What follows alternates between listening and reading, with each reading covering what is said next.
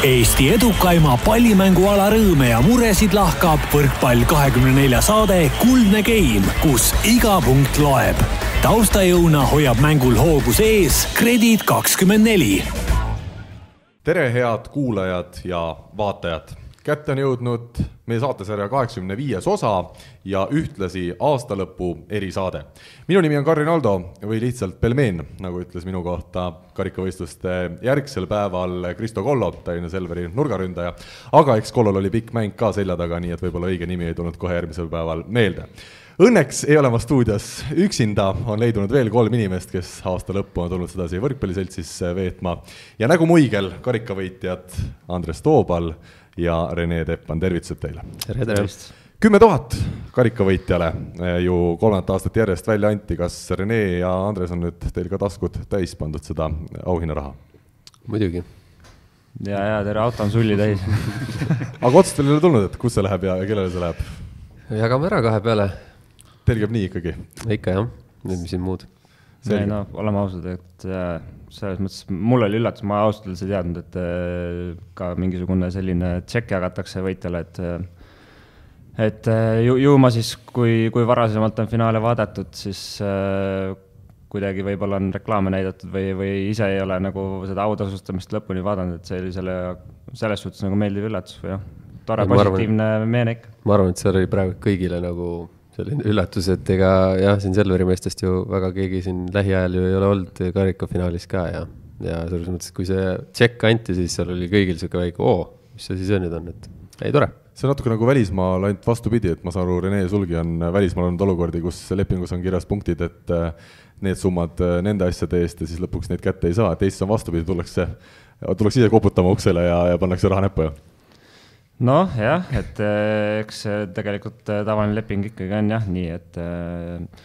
et mängijatel on teatud nii-öelda boonused teatud tulemuste eest siis, siis sees ja, ja selline mm, ütleme, klubi poolt mingisugune võidetud autasu, rahaline või mis iganes ikkagi nagu jääb klubile selles suhtes, et e-, eraldi on ikkagi jah, lepingus välja toodud, kes, kes palju siis nii-öelda saab mingi hea tulemuse eest aga nagu äh, vaatajad loodetavasti juba märkasid, ei ole me täna saates kolmekesi. Rivo Vesikut täna saates ei ole, sest äh, täna hommikul ütles ta, et tal on nii kõva nohu, et lihtsalt saatesse tulla ei kannata. tervitame Rivo siin, loodetavasti on ta nädala aja pärast taas meiega valmis äh, saates kaasa lööma, aga ei salli loodus tühja kohta ja nii on täna Rivo koha võtnud siin Mantamaja stuudios siis Aare Alba, meie saate suurim kuulaja, kelle kohta võiks küll öelda, et tema kirjadest, mis ta on meie saate ajaloos meile saatnud, võiks panna kokku kas või viieköitelise sellise raamatusarja. tere sulle, Aare, ja, ja tõesti rõõm on sind näha! tere! Ma vaatan siin juba kella, et see sissejuhatus läks sul nii pikaks, et mul hakkab viimane praam ära minema, et ma ei jõuagi su küsimustele muidu vastata. aga meil tihti saate need äh, suuri osa ongi see sissejuhatus, et me oleme nii harjunud tegema seda. no see on ka ilus siis, jah. Aare, ütle mulle, miks sa seda võrkpalli nii kõvasti armastad? miks ma armastan? eks ta oleks ilus mäng ole tegelikult ja, ja eks see ole tulnud vist äh, minu pojaga kaasa, et äh, kes hakkas võrkpallitrennis käima ja noh, siis me oleme kasvanud küll sealt nendest lastemängudest pihta ja, ja seal, mis need on siis, B ja C-d ja A-d ja, ja siis noh, nüüd on sõjavägi.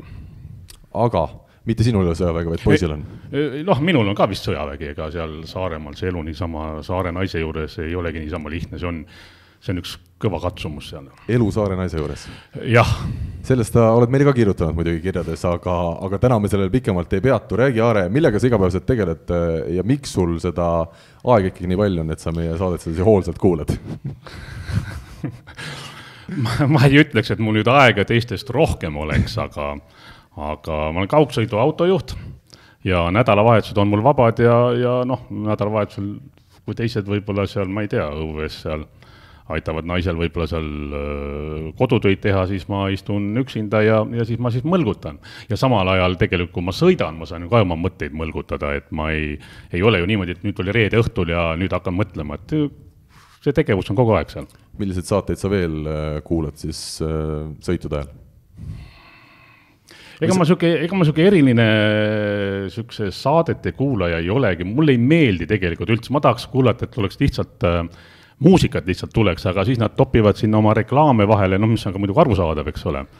et mulle meeldiks jubedalt, kui ta oleks ainult muusika sihuke, mis parasjagu nagu meeleolu on ja, ja nii ta läheb ja, ja see, kas kas õues vihma sajab, no mul ei ole seda vaja raadios kuulata, sest ma näen seda ise, eks ole, ja see on niisugune nagu mõttetu minu jaoks täitsa Aare, igatahes me täna kaasame su saatesse, kaasame su ka teemadesse, nii et kohe, kui sa tunned, et midagi huvitavat äh, oleks öelda, anna märku, isegi kui huvitavat ei ole öelda, võid öelda, sest äh, Rivo ongi meil näiteks selles saates selle rolli peal. tuleme nüüd Rene ja Andrese juurde, eelmine nädal teid siis saates ei olnud, me tegime saate Tartust, seal olid äh, Alar Rikberg ja seal oli ka Kristjan Kais. kas te olete selle saate järele kuulanud ja teinud omad järeldused, kuidas saadet siis tegelikult tegema peab? Ja eile õhtu tegin siukse, mitte nüüd päris öö, äh, otsast lõpuni kuulamise, aga, aga kergelt sai, sai läbi, läbi kuulatud jah, ja natuke mõtteid mõlgutatud ja eks sai ka pead vangutatud. Äh, esimene asi, mis seal oli ikkagi väga teravalt tuli välja see, et liberate teemat ei tohi kommenteerida, kui stuudios on kaks temporündajat ja üks diagonaalründaja. Rene, sina olid tookord äh, stuudios, kui me liberate teemat vaagisime, Andres pääses sellest. kas siis ikkagi need äh, sinu teadmised libero positsiooni kohal tegelikult ei ole nii kõrged, nagu saates on mulje jäänud? kusjuures ma lihtsalt nii. segan vahele korraks, ma korra, esimese asjana, kui ma siia sisse tulin, siis ma Teppanile seda, seda, seda teemat nagu mainisin, et aga noh, Teppan saab vastata Äh, jah, selles mõttes, kui me teeme nalja ja räägime, et jah, mis diagonaalründaja teab kaitsemängus, siis, siis jah, see nali selles mõttes on nali, et aga, aga noh, eks ma selles mõttes olen ka ju ringi käinud ja, ja ja erinevate treenerite käe all nii-öelda mänginud ja igapäevaselt protsessis sees olnud, et selles mõttes loomulikult sa näed ju ka, mis, mis teistega tehakse, et see kindlasti ei ole nii must ja valge, et äh, mina olen diagonaalründaja või sina oled temporündaja ja siis sina ei tea sellest mitte midagi. jah, võib-olla on ka selliseid näiteid, kus äh, on mängijaid, kes ainult vaatavadki asja enda mätta otsast ja teevad oma tööd, et aga mina kindlasti olen selline huviline, kes tahab nagu teada ka nüansse ja detaile nagu teiste nurkade alt, et kindlasti selles mõttes see ei päde ja ja, ja mis võib-olla siis noh, Allile võib-olla väike vastulause on see, et et äh, eks tal on endalgi kõvasti arenemisruumi selles osas, kuna ütleme ausalt, ta on tegelikult abitreeneri rollis olnud ka ainult äh, põhimõtteliselt Gianni Gretu all, kellel on oma nägemus ja, ja ütleme siin näiteid on palju, kus näiteks äh, ma ei tea, Robert Täht läks äh, peale Izmiri ja pool aastaid äh, läks Perugiasse ja, ja talle öeldi, et see oleks ka absoluutselt vastu võtta ja kogu tehnika lõhuti laiali, hakati nullist selles mõttes pihta, et igal treeneril on ikkagi oma nägemus ja, ja ütleme, mingeid õigeid või valesid vastuseid kindlasti selles mõttes ei ole olemas, et igalühel on oma nägemus ja, ja mängijad on erinevad, treenerid on erinevad ja, ja see on ikkagi selline pigem, pigem on, ma arvan, kunst see, et nagu mis kellele siis ikkagi parem, kõige paremini sobib. aga, Andres. selle, sellega tahtsingi ka, kuhu Teppan natuke tüüris juba, et, et kui, kui Teppan ja Aganits ja, ja, ja Vessa siin ei oska kommenteerida või tehnikat, et kuna nad ei ole seda positsiooni mänginud, et siis, siis ma arvan, et siin päris paljud treenerid ei tohiks ühtegi sõna siis öelda, kuna nad pole ju mänginud võib-olla ja veel vähem tohiks mina saadet teha. jah, seda, seda, seda ammugi, et, et päris nii nüüd, nüüd ei saa öelda, noh, eks see läbi huumoriprisma ka, aga aga, aga seda nii nagu puhta kullana nüüd võib-olla mõni mõtlebki, et nii, nii ongi, et mis äh, Tepan või Aganits ütlevad äh, kaitsemängijale, siis ei pea kuulama, et ei, see nii asi ei käi, et mehed on ju nii paljude erinevate treenerite alla olnud ja, ja, ja täpselt see ongi, et äh, igast treenerist sa peadki leidma selle, selle, mis, mis sulle sobib ja, ja, ja enda selle võrkpalli niisuguse äh, mõtte leidma, et päris nüüd niimoodi ei ole, et on ühe vitsaga löödud ja üks on ainult õige ja, ja me näeme nii palju erinevaid stiile ja, ja see ongi see, kuidas sa nendele meestele siis, keda sa enda võistkonda valinud oled, suudad seda siis nagu mängu ellu viia, et et jah, ma olen ka ise siin praegult näen, näen põhimõtteliselt iga treeneriga täiesti niisuguseid erinevaid külgi noh, ongi täpselt nii, et mõne, mõne asjaga nõustud, mõnega mitte, aga, aga see ei tähenda nüüd see, et kas minul on õigus või, või kellelgi teisel on õigus, et, äh, et tuleb leida see oma asi küll aga on selge, et meil ikkagi on õigus, kuigi Andres selles natuke kahtleb. saate sissejuhatus on tehtud, läheme esimese teema juurde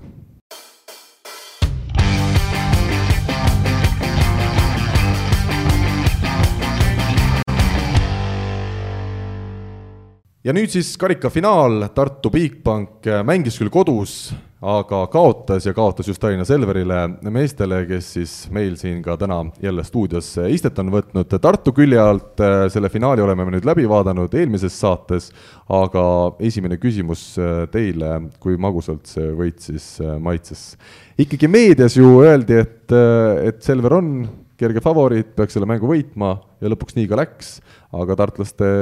saatest siis nägime ja kuulsime päris palju sellist siseinfot, et võinuks minna ka teisiti, kas võinuks minna üldse teisiti, Andres, alustame sinust. või oli ikkagi asi teil selgelt kontrolli all? ma nüüd seda nüüd ei saa öelda, et kõik nagu sada protsenti kontrolli all oli, aga, aga, aga noh, järelikult sealt see vahe tulebki, et kes siis soperdas või ei soperdanud, see huvitav sõna, mingi see soperdamine, noh ma ei, ma ei oska seda rohkem kommenteerida, jah, me mängisime teatud hetked äh, võib-olla mitte nii kindlalt, samas, samas kui oli vaja väga kindlalt teha ja vajalikud serviseerijad võtta, siis meil olid need mehed platsil olemas ja ma arvan, et sealt see vahe tulebki ja noh, siin nagu oletada, et et kui on, ma ei tea, oleme seitseteist, äh, üheksateist taga ja siis, kui me oleks teinud seda ja kui me oleks teinud nii ja siis oleks üheksateist, üheksateist olnud, noh siis äh, see ei anna ju midagi Rene, kas oli serv ikkagi see, mis äh, tõi teile edu selles finaalis eelkõige? no ilmselgelt, kui numbreid vaatad, siis serv oli kindlasti üks olulisi faktoreid jah, et, äh, et äh, mis seal oli siis, kolmteist ässa või, nelja game'iga ja, ja, ja enam-vähem ütleme balansis vigade arvuga, et selles mõttes on ikkagi väga, väga kõva number ja isegi natukene niisugune üle mõistuse number võib-olla isegi et aga, aga ütleme, kas, kas oleks võinud teistpidi minna, ma ütlen ausalt, mina küll ei tundnud, et see oleks võinud teistmoodi minema, et et äh, Tartul selles mõttes äh, oli võib-olla moment, kus siis nagu hammustada, oligi see, see karikafinaal, et äh, jah, ei ole siin nagu selles mõttes häbi tunnistada, et jah, meil oli äh, oli sellist äh, ütleme, ärevust ja, ja sellist nagu kipsis olekut äh, ja, ja nii edasi, et äh, selles mõttes see on loogiline,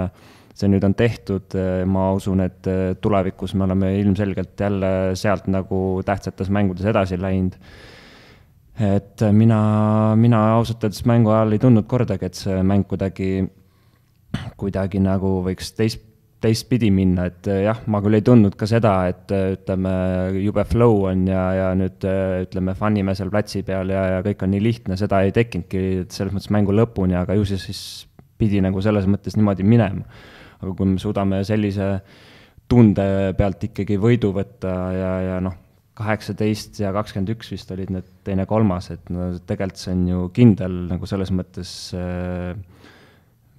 võit, game'i võit, et äh, ma ei tea, rääkida siin, et äh, oleks võinud üks pall sinna, sinna või tänna, et no kuule, siin on ikkagi kuus punkti vahet ja neli punkti vahet, et järelikult siis ikkagi ei olnud piisavalt klassi, et äh, meiega lõpuni pundis püsida, et selles mõttes ma ikkagi jah, ütleme, ma ei oleks liiga ettevaatlik ka nende nagu sõnadega siin, et et oh jah, meil vedas ja ei vedanud, noh, meil, meil oli hea hoog äh, sees ja, ja me realiseerisime selle tulemuseks ja, ja ma arvan, et äh, sellel hetkel me olimegi tugevam klubi. Aare, kas äh, sina kui saarlane, kui mängivad finaalis Tallinna võistkond ja Tartu võistkond, teadsid sa üldse, et see finaal toimub tol päeval ja, ja olid sa kursis asjadega? no eks ma ikka teadsin, sest ega mm, sünnikoht on Kesk-Eestis, et, et vaata seal isegi Tartu on lähemal veel kui Tallinn vist tegelikult on vist on keskel äkki seal kuskil enam-vähem, et, et teadsin, et, et mäng on, eks sai natuke kojugi selle pärast sätitud, aga no näed, sinna publiku sekka ei saanud, et igaüks tegi siis, ma ei tea, palju meil neid Eestis peresid on siin, pool miljonit peret või? meil oli siis, oli siis siin üle Eesti oli siis selline, ütleme siis poolemiljoniline vaatajaskond. Ma arvan, et sa eksid, sest Rivo käest me juba teame, et isegi Rakveres on meil saadetest varem välja tulnud, on miljonid kuulajad. aa, no siis jah, noh, eks, eks Rivo rohkem võib-olla ringi sõitnud ja eks ta teab seda rohkem kindlasti. aga ütle, mida pakkus sinusugusele puhtale võrkpallifännile see finaal ja, ja kas see oli selline ootuspärane ja, ja meeldiv? tegelikult oli niimoodi, et kui ma seda mängu vaatama hakkasin, siis ma mõtlesin küll, et mm, ega ma vaatan seda mängu tavaliselt sellise emotsionaalse, emotsionaalselt nagu, mis seal nagu toimub, ega ma ju taktikast ja sellest mitte mõhkugi aru ei saa, eks ole, ma võin vaadata, et ahah, näed, et Rene on nii pikk ja Andres on nii pikk ja see on kõik, eks ole, see kogu taktika mul seal. no abitreenerite pikkus on minu arust üks olulisemaid asju üldse võrkpallis. seda minu arust seal algus, seda vist alguses seal vist ei panda ekraani peale. ei panda, jah. ja, ja siis ma mõtlesin, et ma vaatan seda mängu ma olen selline, et mul oli, kõik oli, ütleme siis, kui öeldakse, et game'ide vahepeal peab käima külmkapi juures ära või siis seal kuskil, kuskil, kes siis veel käib. ma olen nii palju vana mees, et ega ma seal mingi poisigi ei ole, kes jookseb edasi-tagasi, mul oli, kõik oli valmis. siis ütlen ausalt, esimese game'i lõpus ma kirjutasin paberi peale emotsioonitu. see emotsioonitu oli nagu sellepärast, et nagu vaatajana ja kui ma tulin, see oli kolmas game, teise game'i kohta ma ei öelnud mitte midagi kolmandas skeemis oli äkki seis oli neliteist, viisteist Selverile või? või oli kolmteist, neliteist, no vahet ei ole. ja siis ma tundsin, et vot nüüd läks mänguks. ja siis, kui kolmas game tuli ära, siis ma hüppasin korra Tartu meeskonna poolele, sest ma tahtsin, et mäng oleks ikkagi viie-game'iline, et see lõpp läks natukene ära, et ma oleks ühte game'i veel tahtnud. aga kas äkki selle kolmanda game'i kohta oli mul päris mitu märget oli tehtud, äh, aga üks nendest oli, et no tee, mis sa teed, ilma publikuta, see pole mingi finaal või pole üldse mingi mäng ei ole tegelikult. kuidas siis oli, kas ilma publikuta oli väga imelik Rene selles finaalis äh, mängida või mitte? kindlasti oli jah, et eks noh, selles mõttes me oleme natukene siin juba seda olukorda tunda saanud ja, ja, ja ja tühjade tribüünide ees paar mängu ka pidanud äh, enne seda finaali siis, et äh, ja, ja mulle väga meeldib see atmosfäär ja, ja rahvas, et ma olen seda ka varasemalt maininud on, kellega seda emotsiooni jagada ja, ja nii edasi, vajadusel ka ütleme, utsitab sind, et et kui küsida, kas samamoodi, kas see null pealtvaatajat või kümme tuhat vastaste fänni näiteks, ma võtan raudselt need kümme tuhat vastaste fänni, et selles mõttes ma naudin atmosfääri ja, ja ütleme, oli küll tõesti, oli imelik, et et võib-olla tõesti see mängukäik kui selline, noh, kuna sa nagunii mängid, ütleme, võõrsil ja, ja teadupärast Selveril ei ole äh, teab mis siis äh, suurt äh, fänniarmaadat, kes, kes oleks seal, ütleme, trummi võib-olla löönud, et, et siis äh, mul jooksis mõte kinni seda juhtub. et, et, et äh, aga, aga, aga, aga jaa, et ütleme, see viimane osa just see nagu see, kui see viimane nagu punkt oli ära, siis see nagu ütleme, see tuled kokku võistkonnaga kuttidega, see on selline, ütleme, kakskümmend sekundit on see vägev, lahe, hüppame ringi ja, ja selline arutu, selline vehkimine, on ju, nagu väiksed lapsed kõik, et, et just peale nagu seda, kus on see tseremooniad ja, ja, ja see karika tõstmised ja, ja nagu see, ütleme, see tavaks on saanud ka peale võitu see liblika viskamine fännidele tänutäheks, et ja plaksu löömised ja nii edasi, et see edasi nagu see emotsiooni jätkamine kui selline, see nagu oli jah, selline natukene kurb, ütleks, ütleks ausalt. Ma lihtsalt vahele ütlen, ma tean, Renele meeldib, kui ma neid Rahvaliiga näiteid toon sisse, et, et jumal tänatud, et mina midagi suurt võitnud ei ole, sest ma ei oska siiamaani korralikult libikat teha, et ma ei tea, kas ma läheks jalg ees siis või teeks midagi teistmoodi, igatahes Andres, siin on juba saate algus käinud läbi kaks asja, et algus oli närviline teie poolt ja et mäng läks lahti Aare arvas seal kolmanda game'i keskel kuskil, kuidas sina tundsid ise? mina ka kogesin äh, seal väljaku kõrval olles seda, et, et tundus, et Selveri mehed ikkagi, kellest siis erinevalt Tartust väga mitmed ei olnud karikavõitjaks kunagi tulnud, olid seal alguses päris närvis ja alustades siis sellest samast Oliver Oravast, kes tegelikult mängu lõpuks oli üleplatsimees. jah, et seal teisi mehigi ju, kes pole üldse karikafinaale või üldse finaalides reaalselt niisugustes nagu väga tähtsates mängudes üldse mänginudki, et ähm, jah, oli tunda. ma ütlen kohe esimeses äh,, esimeses game'is meil oli kaks pallivahetust juba sellist, kus äh, mm, ütleme niimoodi, et võib-olla sidemängijal oli raske minna tõstma, aga kõik vaatasid üksteisele otsa, et kes nüüd selle peab tõstma ja noh, sealt ka mingid siuksed paar mingit täiesti sihukest imelikku lahendust äh,. ausalt ütlen, esimese game'i keskel ja isegi peale esimest game'i oli sihuke väike imelik tunne küll, et oot-oot-oot, mis nüüd siis nüüd äh, juhtuma hakkab või et mida me nüüd siin peame korrigeerima, et äh, selge oli see, et äh, võib-olla Põlluäär, kes ei, keda me ei arvanud, et äh, võib nii palju skoorida, tegi seda ja, ja natukene pidi hakkama seal siis äh, nuputama, et, äh, et kas see nagu jätkub nüüd niimoodi või, või me peame sinna mingit, äh, mingit teistmoodi lahendust hakkama leidma, et teatud hetkel selline sihuke, mitte et peataolek, aga sihuke võib-olla väike peamurdmine, et päris need asjad nii ei jookse, nagu tahaks.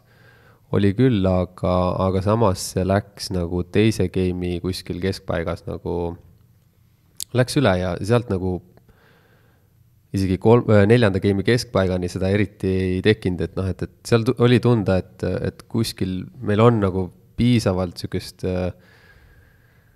um,. sügavust või? nojah, sügavust või sihukest, meil on nagu mingid sihukesed murdemomendid, et me kannatasime kuidagi hästi ära, et me hoidsime ikkagi piisavalt uh, neid side-out'e nii-öelda ära, et kui, kui nad servisidki, siis me saime ise palli üle, läksime, võib-olla tegime ise võib-olla isegi servi vea.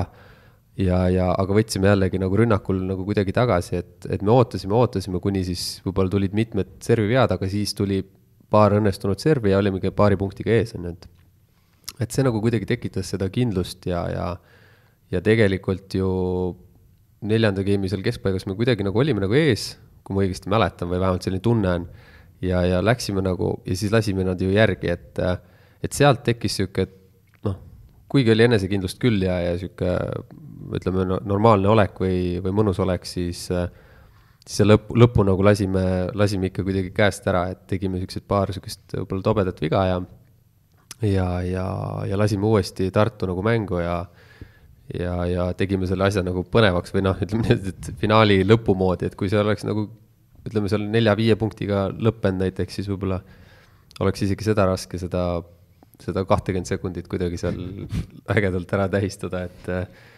et jaa, see, see oli kuidagi veider ilma publikuta ja, ja hästi raske ka, kui, kui ainult mehed peavad selja taga tegema seda häält, et oli teil kokku lepitud ka midagi treenerite poolt, et mehed varus, need peavad tegema kõvasti lärmi? ei, seda ei ole, et seda ei saa kunstlikult tekitada, et see, see peab tulema nagu kuskilt sügav, see, ma ütlen, et see, see kõik see sihuke, pärast ka see sihuke trall, see kestiski selle mõne sekundi ära ja siis tekkis sihuke, mis nüüd edasi, natuke nagu piinlik ka, et me üksinda kargame siin, et noh, hea tunne on, aga, aga kuidagi noh, ise tead nagu, kui meistrikat on võidetud või mingi, siis, siis see ülevoolavus kestab sellepärast, et sa näed, et publik on nagu hüüab kaasa ja kõik sihuke asi, et praegult nagu vast-, vaatas vastu tühi, tühi väli ja, ja ja noh, olidki sihuke, et ega sa ei kuulnud kedagi seal ja, ja siis see, see emotsioon nagu noh, lahtub ära päris kiiresti. Aga kuna Alar Rikberg meile rääkis päris palju selliseid äh, nüansse, siis äh, ka taktikalises plaanis sellest finaalis, siis äh, Andres ja Rene, kas te olete nõus ka siin midagi välja tooma, milline oli näiteks teie mänguplaan, keda te kuidagi eriliselt üritasite takistada või, või midagi sarnast? no ma, nagu ma ütlesin, siis noh, eelnevates mängudes ei ole Põlluäär midagi erilist teinud, eks meil see rohkem fookus läks, läks sinna teise nurka ja tänu sellega võib-olla ta sai natuke rohkem vabadust ka, et et esimene game, noh, see võib-olla ei tasunud ära, see meiepoolne sihuke, aga, aga noh, seda teavad kõik, et ega ju on tõstenumbrid nagu näitavad igal, igale treenerile selle ette, et kus, kus sinna rohkem läheb ja et. aga mm, jah, me sellega võib-olla ei tulnud kohe hästi toime ja, ja, ja, ja võib-olla natukene lihtsasti sai sealt Siim neid plokist välja löödud ka, et, et sealt nad selle hoo said üles, aga võib-olla see oli ka hilisemalt võib-olla meile kasulik, sest võib-olla siis hakkas neid tõsteid sinna rohkem minema, aga, aga rohkem sealt ju, kui esimese game'i lõpus seal oli, ma arvan, Siimul ikka üle kuuekümne protsendi rünnak, kui ma õigesti mäletan, siis lõpuks see ju ikkagi langes, ma ei tea, neljakümne peale vist jah. et, et et selge oli see, et ta tegi need head liigutused juba alguses ära ja, ja pärast nagu neid väga palju enam ei jäänud, et rünnaku faasis ma just mõtlen jah, et, et siin, siin selge oli see, et mida, mida siin Äh, Rikberg siis ka välja tõi, et, et ta noh, hästi rapsis nagu kaitses ja oligi, oligi väga hea, et aga, aga punktide mõttes just äh, sealt rohkem nagu väga ei tulnud. Rene, kas Selver tegi nüüd finaalis hea mängu, võime me nii öelda, ta mängis oma kvaliteedi välja ja, ja saab nagu oma esitusega rahule jääda? ma olen mõelnud sellele mängule nagu tagantjärgi ka ikka loomulikult, et aga, aga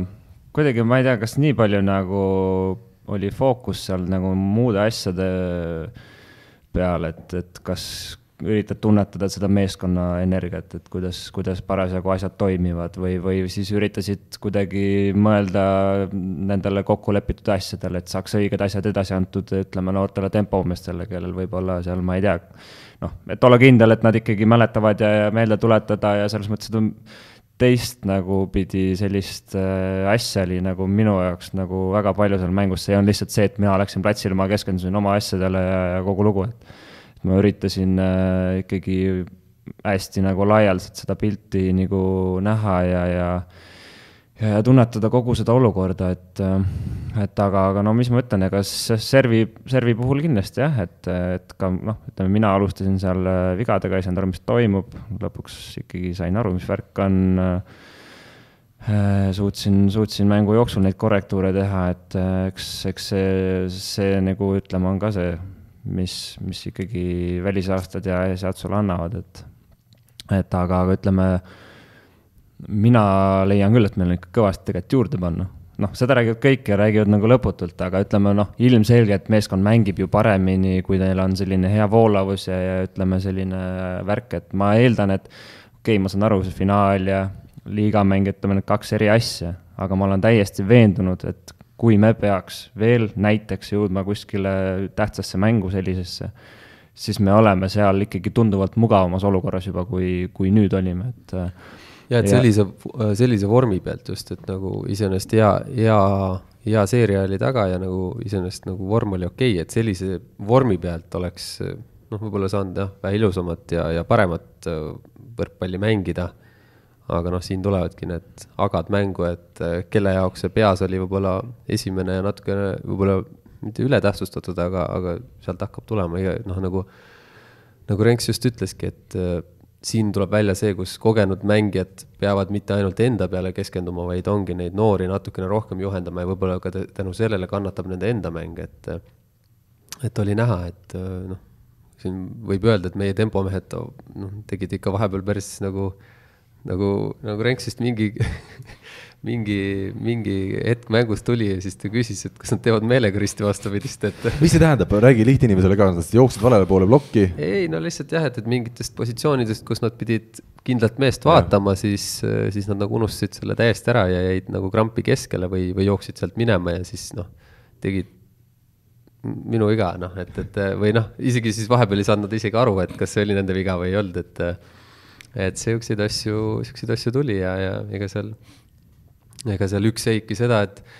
kui, kui, kui Ratsa tuli, küsis, et kas treenerite poolt on käsk antud mulle mitte tõsta, et, et, et siuksed asjad nagu tulid sealt välja, et noh, tegelikult niisuguseid asju ei olnud ja, ja, ja noh, seal tulebki see, see võib-olla see esimese finaali mängu sihuke kogemuse ja siuksed, ütleme, kooliraha ka, mida, mida loodame, et järgmistes ei tule. mis hetkel Raadik seda küsis, kas see oli siis mängu alguses millalgi või? See vist oli äkki peale teist geimi või teise geimi ajal millalgi, et äh, jah. nii et Raadik selleks hetkeks ei olnud veel aru saanud, et kas talle tohib tõsta üldse Renet tänasel päeval? vaata, see ongi see, et äh, ta ei julgenud nagu ka tõenäoliselt Renetile selga lennata, et, äh, et miks sa mulle nüüd ei tõsta, vaid ta igaks juhuks konsulteeris ennem läbi, et noh, et, et ta ei, noh, ongi, et kui treeneri poolt tuleb üks info ja mängija võib-olla sellest, teine mängija sellest aru ei saa ja lendab peale, et kuule, et miks sa mulle nüüd ei tõsta, aga võib-olla treener on ennem öelnud, et kuule, väldi teda rohkem, ma ei tea, seal on plokis vaadatakse teda rohkem, mida iganes, et, et ähm, no,. ma üks..., ma ütlesin talle ausalt ära ka, et ega sul ei olnud alguses põhjust tõsta ka, noh, miks jah, aga nagu olgem ausad, need esimesed kümme palli, mis ta sai, need tõenäoliselt olid meil seitse tükki olid mingid noh, ikka siuksed kõrged pallid väga raskes positsioonis, et okei okay,, ta alustas ka seal muidugi ühe mingi siukse noh, mitte temaliku veaga, siukse lihtsa löögiga plokki sinna ja et, et et äh, aga, aga siiski, et äh, noh, oli näha, et võib-olla mingi väike kaos alguses oli. aga sellest nagu sai, no ütleme suht, suht okeilt üle räägime Oliver Oravast ka, kes siis üleplatsi mees selles kohtumises oli ja sai eelmises saates ka valitud eh, nii-öelda karikafinaali parimaks, kuigi ametlikult seda tiitlit välja ei jagatud, siis eh, Rene, sina olevat esimeses game'is Oliver öelnud midagi, mida siis kogenud mängija ütleb eh, teisele mehele, kes ka platsil on ja, ja vajab mingit tuge, kas seal oli midagi sellist konkreetset, võtsid sa kuskilt mõne legendaarse kirjamehe sõnavõtu ette ja, ja lugesid ette või, või kuidas see motiveerimine ja, ja utsitamine käis? ei, tegelikult nii selles mõttes ei olnud, et äh, mis seal ikka oli, et äh, noh, tegelikult see asi on nagu laiem, et ma usun, et ma olen selline päris hea inimeste tundja ja ma oskan, ma arvan äh,, ma seda küll sada protsenti ei tee, aga ma loodan, et ma lähen selles paremaks ja paremaks, et kuidas nagu igale inimesele individuaalselt läheneda, seda on kohati, on seda raske teha, kui sa oled sportlane, kui sa oled mängus sees, on emotsioonid ja nii edasi ja nii tagasi. aga, aga orav jah, selles mõttes noh, on jällegi selline teistsugune näide natukene, kus ütleme, et noh, sa kõik teavad, milleks ta nagu võimeline on, on ju aga noh, tal on selline, näiteks üks selline iseloomuomadus, kus, kus üks sooritus võib ta verest väga välja lüüa. Ja, ja noh, sellel hetkel võib-olla siis noh, tundsin, et see on võib-olla see moment, kus, kus me nagu natuke kaotame ta ära, kui, kui ma ei lähe ja ma ei ütle talle midagi, et et see, ütleme, kindlasti see ütlus ei saanud olla selline käratav või, või, või et küsida, millega sa nüüd tegeled, et noh et äh, temaga selles mõttes saab rahulikult rääkida ja, ja ta on mõistlik vend, et äh,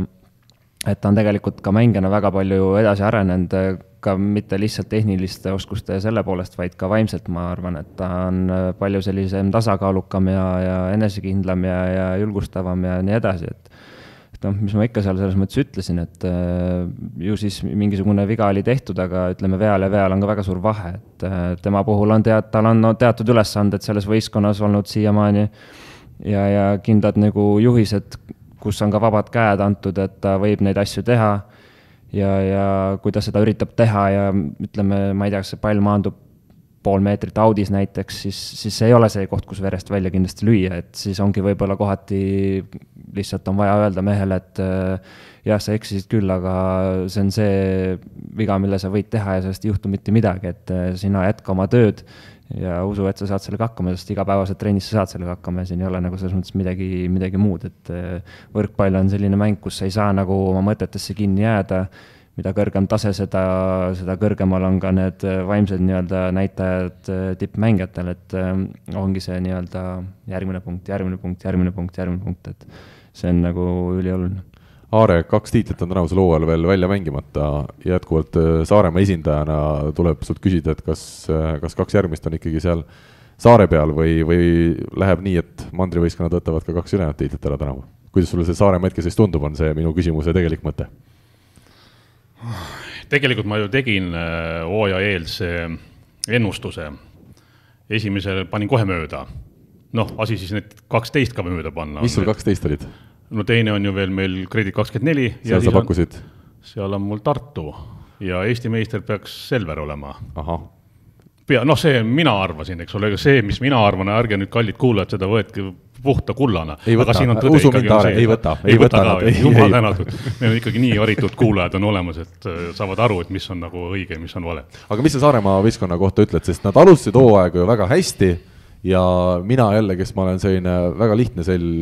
väga kiiresti suudan vaimustuda kõigest, tundus, et see võistkond on suurepärane. me, me oleme ühesugused siis. no näed, me võiks siia jäädagi, aga, aga siis tekkis mingisugune mõõn, mis siis, mille algatas Tallinna Selver ja nüüd on läinud nii, et kaotati ka eurosarjas ja kaotati juba ka Pärnu võistkonnale, et eh, kuidas sulle see, see kõik nagu eh, tundub? Äh, vaata, kui meil oleks praegult see miljoni krooni saade või miljoni, nüüd on eurosaade siis ma kasutaksin praegult seda ühte õlekõrt ja see õlekõrs oleks, äh, kui sul midagi tarka öelda ei ole, ole parem vait nii et siit jätkame? absoluutselt, jah. see on ka asi, mida jälle, noh, Rivot täna meil stuudios ei ole, aga kui ta oleks, siis äh, siis ta ei oleks vait olnud. siis ta ei oleks praegu vait olnud. no vähemalt tal on öelda midagi, aga noh, minult siit ei tule mitte midagi. vot, aga head kuulajad ja vaatajad, meil on aeg minna tänase saatega edasi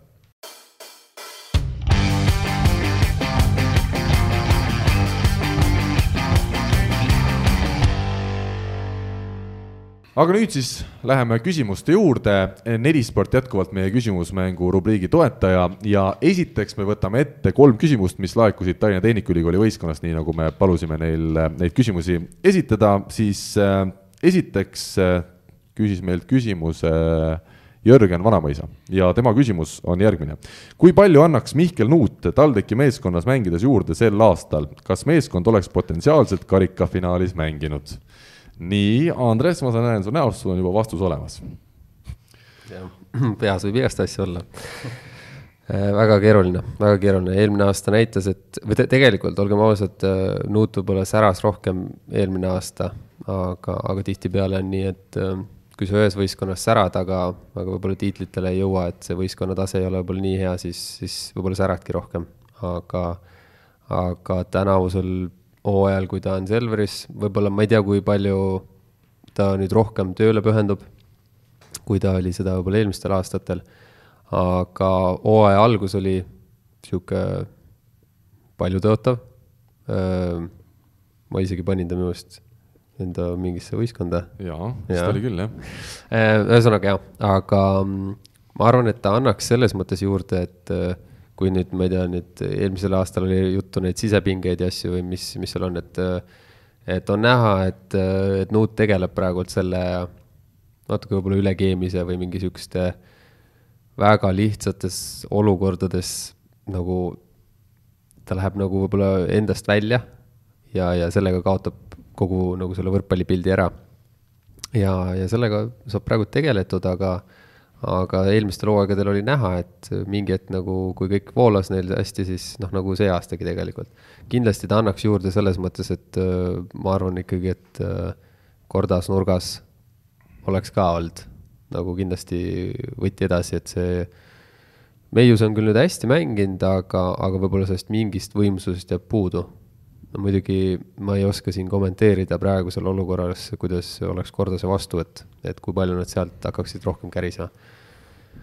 väga raske, väga raske öelda, et, ähm, et kas ta nüüd nii midagi juurde annaks. Mm.. Ma arvan, et, ma arvan, et ta praegult äh, võib-olla on nii palju teises rollis, et ja, ja võib-olla läheb teise võrkpalli nii-öelda suuna peale, et äh, kus ta, kus ta peab olema rohkem rollimängija kui see, et et tuleb väga palju tõsteid ja ta võib äh, vahepeal silmad kinni ka taguda ja, ja sellest ei juhtu mitte midagi. Rene, küsimus sulle, et äh, minule tundub, et kui TalTech poolfinaalis Tartu vastu oleks mänginud kaks mängu kodus, et võib-olla siis oleks neil mingi šanss tekkida, tekkinud edasi pääseda, aga tegelikult oleks seal muutunud või mitte, ega nad finaali poleks ikka lõpuks pääsenud ja ma alustaks sellest, et mulle see vend tegelikult äh, väga meeldib, et äh, ta on äh, väga asjahuviline tüüp. ta tahab, ta käib töö kõrvalt ka nagu nii mõnigi teine mees. aga, aga võrkpall on tema jaoks täpselt, ütleme, sama oluline või noh, ütleme olulisem kui, kui see põhitöö tegelikult, et ta on ka seda ise öelnud, et kui, kui keegi maksaks nii hästi, siis, siis ta võib-olla tööl üldse ei käikski, et. no sa võid oma palgast ju mingi osa ju teisele diagonaalile anda, see on ju, ma arvan, väga ei, okei okay,, läheme edasi. noh, nii üllat tegutsemist ma ei ole mitte kuskil varem kohanud, et. sa oled spordimehelik, ei saa jagada midagi. kus, kusjuures sedasama, seda oma palgast äh, kellelegi teisele raha anda, see ei ole ainult spordi, see on ka muus valdkonnas on niimoodi, ega ei anta ikka. ja Karl, ole kahe jalaga maa peal. kui siis ainult saarlane annab hiidlasele midagi, kui on hiidlasel puudu. no kui on talle midagi anda. kere peale võib ka niisugune variant olla, jah. aga Rene, jätkame teemat. jätkame teemat, et äh, ma alustaks sealt hooaja algusest, kus ta tegelikult mängis hästi, on ju äh,. Need hooajalised turniirid ja värgid ja ta sai seal äh, mänguaega palju, ta nautis äh, sidemängijaga ka kohe väga kiirelt leidsid klapi, ütleme, Renetil ei olnud väga suur muutus, ma arvan, võrreldes eelmise aastaga, kui see Timo Lõhmus seal oli, on ju, et et see oli selline, see oli selline vana rasa pealt nuut mis siis edasi hakkas toimuma, oli see, et, eh, et ma näen tema puhul seda efekti, mida ma tunnetasin kunagi enda puhul, kui ma läksin välismaale. Eh, Nuut hakkas, no ma ei taha kellelegi liiga teha, aga üsna nullist võrkpalli õppima. et väga palju tuli uut infot, väga palju tekkis erinevaid nõudmisi, ta pandi, ütleme, noh, tänapäeval ütleme, tippvõrkpall tegelikult on raamides, et ütleme, ideaalis äh, treenerid mängivad äh, nuppudega malet, on ju. et see kõik oli tema jaoks üliuus, äh, mingi hetk läbi selle ta ilmselgelt kukkus kokku, nii vaimselt ja, ja nii edasi, see on väga okei okay., see kõik on täiesti normaalne protsessi osa, et aga mis mulle selle kõige juures oli, meeldis kogu aeg, oli see, kuidas ta tegelikult, ta ei andnud alla kordagi. ta tuli trenni jälle värske näoga, võib-olla ta läks pea norust sealt trennist ära, aga ta ei tulnud kunagi norus peaga trenni tagasi ja, ja tegelikult tänaseks päevaks ta on ülikõvasti kosunud ja, ja ta saab kõvasti, ütleme, rohkem asjadest aru kui, kui hooaja alguses. ja, ja ütleme, et see protsess kindlasti veel kestab. Ja, ja see, seda ei õpi ka mitte aasta ega kahega, seda kõike, noh, see ongi, ütleme, see sport ja kõik see ongi tegelikult ju õppimine läbi elu, on ju. et aga mis ma tahan öelda, et äh, ma olen täiesti sada protsenti veendunud et kui sa paned Nuudi kuskile meeskonda täna mängima ja annad talle vabadust ja mänguaega ja ta leiab selle mängurütmi, siis sa näed täiesti teisel tasemel Nuuti ja ta mängib sada protsenti Eesti liigas väga-väga hästi. aga vastus küsimusele, kas ta oleks muutnud, kas TTÜ oleks finaali saanud, ei, selles mõttes kindlasti mitte. et äh, TTÜ-l ikkagi on neid äh, noori uljaspäid seal nii palju, et ütleme, üks, üks kogenud mees jääb ka selles nagu võistkonnas väheks sinu jutust jäi kõrva see, et äh, kui Nuut tuli Selverist, siis ta hakkas justkui nullist võrkpalli uuesti õppima. minu küsimus on nüüd see, et kas Janis Sirelpuu ja Tallinna Tehnikaülikooli ikkagi võistkond siis äh, ei, äh, ei ole nii-öelda, ei harrasta niivõrd läbimõeldud võrkpalli, on seal need treeningud ja kogu see mängu ülesehitus siis palju lihtsam või? no nagu ma ütlesin, ma ei taha kellelegi liiga teha, aga ilmselgelt äh, ilmselgelt äh, Rainer Vassiljev on äh, rohkem, ütleme, ringi käinud äh, selles suures asjas sees olnud, et paratamatult ta teab, kuidas, kuidas tänapäeva tipus asja aetakse ja ta üritab seda võimalikult palju ka siin meiega teha. Ja, ja siiamaani üllataval kombel tegelikult see on väga hästi ka toiminud, et sa ei saa harrastada igasuguseid teatud asju võib-olla mingitel levelitel, et see lihtsalt käib üle jõu mängijatel, kas tehniliselt, vaimselt, äh, tarkuselt, millelt iganes, et äh, et äh, jaa, ma olen selles mõttes kindlasti veendunud, et samal, ütleme, kõrgu, kõrgusel võib-olla taktikaliselt ja kõigelt sellelt see töö seal kindlasti ei käi. aga, aga ütleme noh, selles mõttes see on ka nende mingis, mingis mõttes tugevus, et me teame ju seda tuhhi, mis neil on, on ju et see tuhh selles mõttes on tore asi ja nad on võimelised üllatama, eriti kodusaalis kõiki, aga ütleme, sa näed ka tegelikult äh, ütleme seda stabiilsust või jätkusuutlikkust seal nagu selles mõttes ei ole ju. kui nad lähevad mängima kasvõi võõrasse saali, siis neil on jalad suure tõenäosusega tihtipeale alt läinud, on ju et äh, noh, see on, see on see, mis, mis nagu on, ütleme, süsteemse võrkpalli nagu eelis. idee ju tegelikult on ju olla iga, iga päev võimalikult samal levelil, et mitte, et vältida kukkumisi ja neid asju, ütleme, see ongi ju tegelikult taseme näitaja stabiilsus kas võib öelda, et siis Tallinna Tehnikaülikooli võistkond täna Sirel juhendamisel on midagi sarnast, nagu on olnud meil korvpallivõistkonnad äh, Andres äh, Sõbra juhendamisel, et sihuke asju hoitakse lihtsana, rõhutatakse emotsioonile ja, ja see on nagu see, millele see mäng tugineb? ma tahaks uskuda küll, jah. võib-olla seal tõesti, ma ütlen, mul isiklik kokkupuude nagu puudub aga kui sa vaatad, äh, ma ei tea, teed scouting ut, teed mingeid siukseid asju, siis no nad ikka patseerivad seal platsi peal suhteliselt puusalt, noh. võib-olla tõesti, Jaanis ise oli ju hinnatud temporündaja, on ju, et et äh, võib-olla ta oskab neid juhendada, võib-olla, võib-olla see pool nagu selles mõttes on hästi ja, ja paigas, aga, aga ütleme, tegelikult ütleme, TTÜ mäng on jah, ütleme noh, täielik tuhh sest need kaitsepallid ja asjad ju noh, need kõik on tegelikult on tahtmise pealt, seal ei ole see, et äh, me seisame kindlasti õige koha peal ja, ja, ja nii edasi, et äh, kõigil on väga palju vabadust, tundub, ja, ja selles mõttes nii-öelda fun käib, et aga, aga kui, kui ikkagi vastane on äh, klassiga võistkond ja tuleb ideega neile vastu, siis tihtipeale nad selles mõttes jäävad ka nagu ikkagi väga-väga hätta, on ka ju selliseid väga-väga häbiväärseid kaotusi sees. kas plokk on TalTechi tugevus täna ikkagi või? See on vist see, mida nad ka trennis väga palju arutavad. no ma ei, jah, ei ju ei tea, mis täpselt nad teevad, et äh, sealt nagu tuleb jah, neid äh, siukseid noori,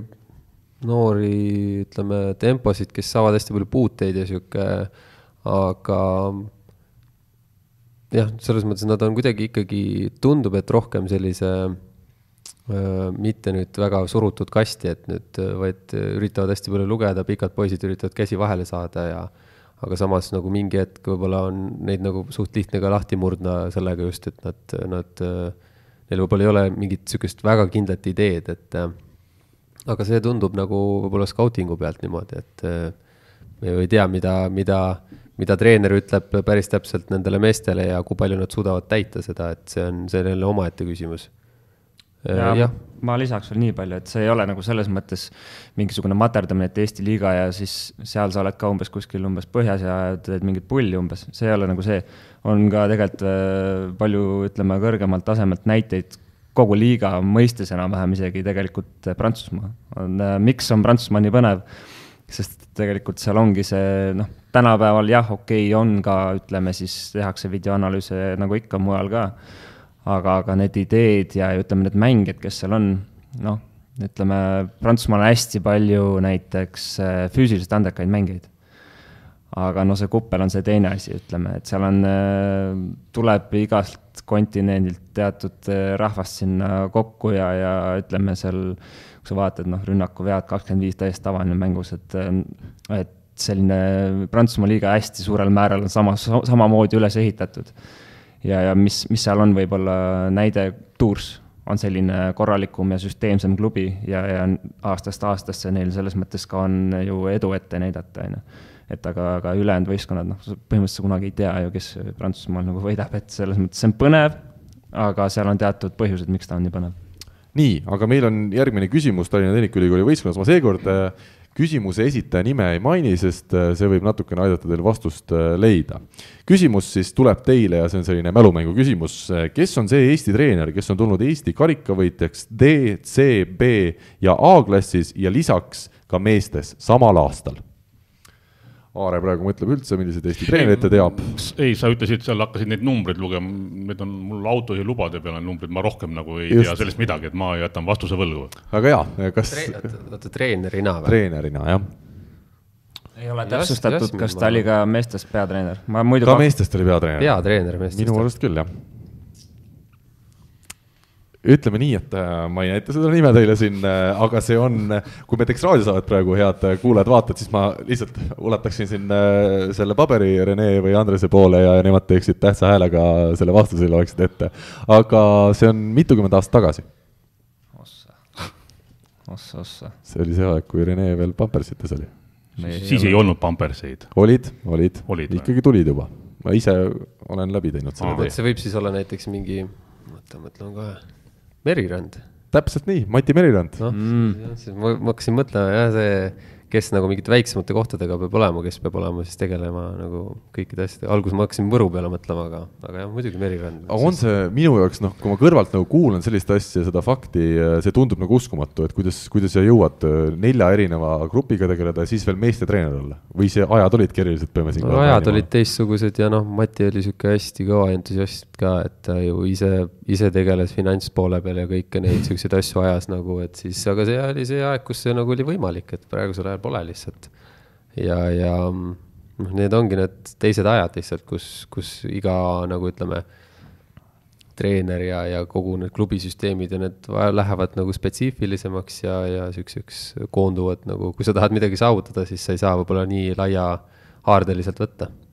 Karlo Remi Kallend oli siis küsimuse esitaja ah,. ja sealt oleks juba võinud ka natukene mõelda, sest ta on ju Rakvere poiss, nii et. just nii, aga kuna ma seda nime ei maininud, siis oligi seda küsimust ka raskem ah, jah, kohe vastata. aga viimane küsimus Tallinna Tehnikaülikooli võistkonnast, Karlo Remi Kallend on ise ka küsimuse esitajaks. kui teie oleksite meeskonna mänedžer, siis mis te teeksite teisiti võrreldes teiste Eesti meeskondadega, et rahvast saali meelitada, neile mängu ajal show'd pakkuda ja rahvast üles kütta? See on teema, mida me oleme arutanud siin saates, aga kuna meil on jälle Aare stuudios, keda, kes varem ei ole saanud selles arutelus kaasa lüüa, siis kuidas sina tooksid saali publikut rohkem? kas sa lihtsalt äh, käiksid iga inimese ukse, noh, Kuressaares ja Saaremaal ongi nii, et ega teil nii palju rahvast ei ole, et võib-olla käidki hommikul terve saare läbi ja, ja no vaata, see ongi, sa ütlesid ise ära juba vastuse ju, et see kuidas see lihtsalt käib, no see käibki lihtsalt tegelikult, eks ole, noh. teed, teed ukse lahti, eeldus on see, sa pead saali ukse lahti tegema. saali uks peab olema alati lahti. jah, ja kui on mäng, siis peab olema, saali uks peab olema lahti ja siis saab inimene tulla, kui saali uks on kinni, siis inimene ei saa ju sinna tulla, see on ju täitsa loogiline minu arust. aga see, et inimene ise tõmbab ukse lahti? minu ai, Kuressaares on vist jah, peab ikka ise tõmbama, aga kas äkki kuskil mujal on need äh, fotosilmaga ka või, mis lähevad lahti või, nagu kaubanduskeskustes või? vot see on hea küsimus, spordisaalides meil vist nii ei ole. on, ma ei tea seda. see on nüüd huvitav koht, kuhu me oleme jõudnud selle küsimuse juures, Aare, aga, aga kuidas siis, äh, ühesõnaga uks lahti on see lihtne sõnum? nojah, ega seal muud ei ole, tuleb uks lahti teha ja kas siis keegi on seal ukse peal, ma arvan, inimestel nii palju rammu on, nad oskavad ust, ust lahti teha, eks ole, õhtul pannakse ju oma toa uks kinni ja ja mis seal on, tuled ja teed lahti ja lähed istud ja vaatad ja naudid ja ja nii ongi. no vot, uks lahti on meil esimene variant, mida Andres ja Rene, teie ütleksite selle teema peale, kas äh, on siin mingid konkreetsed sellised äh, võimalused, mida, mida lihtsalt ja kergesti teha ja kuidas see publik hakkaks rohkem saalis käima? ma arvan, et äh, lihtsalt põhinedes äh, sellel, kus, kus on käidud ja mida on nähtud, üks niisugune läbiv asi on ikkagi kogukonna tekitamine. ja minu arust see ei ole teab mis tontraske tegevus just arvestades võtame siin eh, kas või oma klubi noored või vastupidiselt siis, eh, vastupidiselt siis näiteks, eh, ma ei taha öelda eakamad, aga ütleme seal neljakümnendates, viiekümnendates ja sealt nagu ülespoole inimesed, et. vabandust, kas nad on eakad või? ei, ei, ma ütlesin, ma just ütlesin, mitte. ega mina ei solvu, mina ei solvu, mina ei solvu. aga ütleme, võib-olla tõesti seda kesk, keskmist seda, seda ütleme, noort tegusat inimest on võib-olla natuke raskem ära rääkida, aga, aga ütleme äh, kogukonna tekitamine tõesti, tegelikult igal pool on tehtud erinevaid ettevõtmisi, perepäevad, fännidega istumised ja nii edasi ja nii edasi ja nii edasi, et. aga selleks peavad need fännid juba olemas olema, et teha neid üritusi nendega ju kuidagi tuleb esmalt saada nad üldse sinna klubi nagu sisse, et nad hakkaks seal.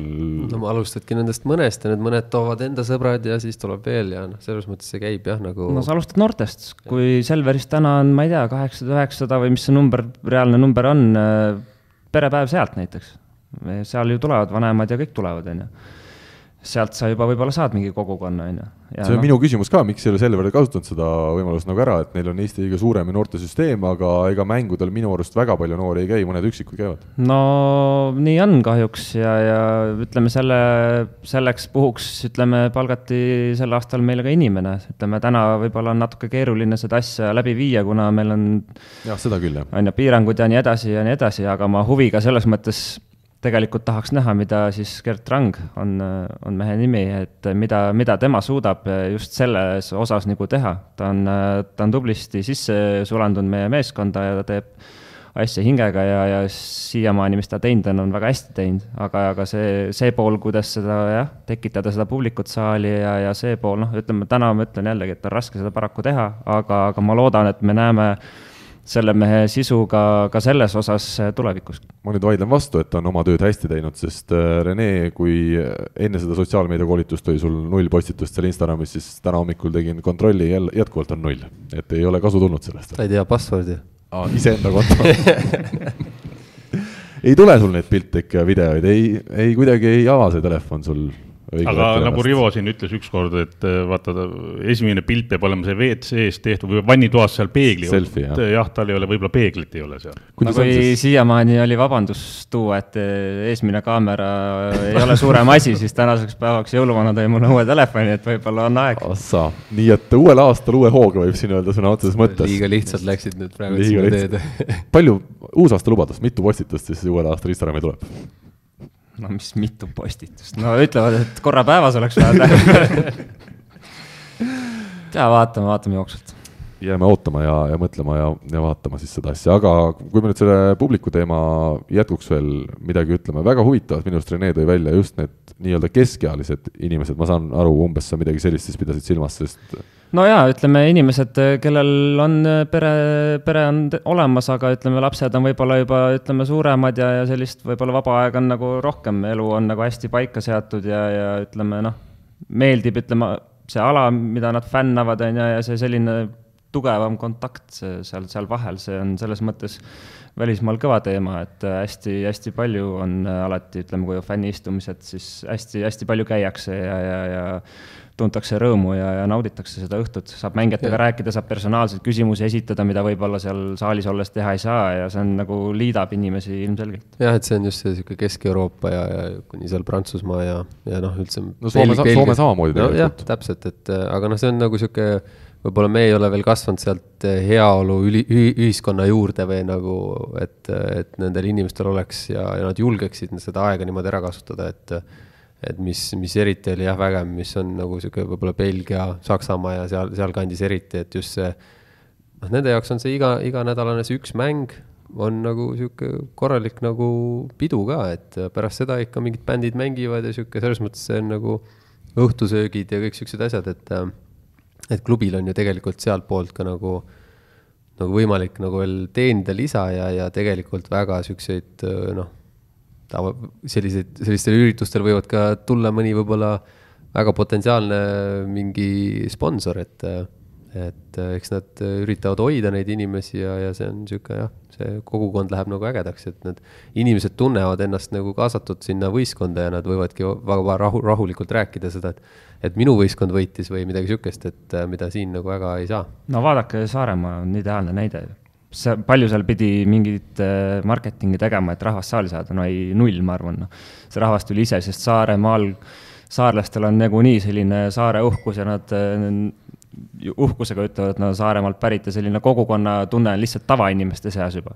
Ja noh, siis kogukonnana tullakse ka seda spordi, sporditiimi toetama, see on lihtsalt loomulik asjade nagu käik, et noh, see on ideaalne näide. kuigi eks kindlasti Saaremaa klubiga tegi omajagu tööd, et seda jaa, ei tegi, tegi ja väga head tööd tegi, seda, seda ma üldse ei taha vähendada, aga, aga lihtsalt seal juba oli olemas see tingimus nagu jah? jah, oli loodud. see publik oli olemas, kes otsis seda väljundit, kus käia laupäeval näiteks. täpselt, täpselt. Aare, sina käid äh, kogu pere, suguvõsaga, sõbrad-tuttavad, terve saal on täis teid oh,? jah, seal üks, üks pool saali ongi meie, meie suguvõsa oma põhimõtteliselt, aga sellesama nende mm, pealtvaatajate kohta võin nagu oma pere koha pealt öelda, et noh, mina muidugi teatud põhjustel ei saa seal käia, aga naine, ütleme, kui on keegi juba mm, saanud sellise pisiku, kes käib seal mängudel, siis selline sõbrannade kaasavedamine, tule, tule, tead, see on nii kihvt tegelikult, et see nii lahe on, et tegelikult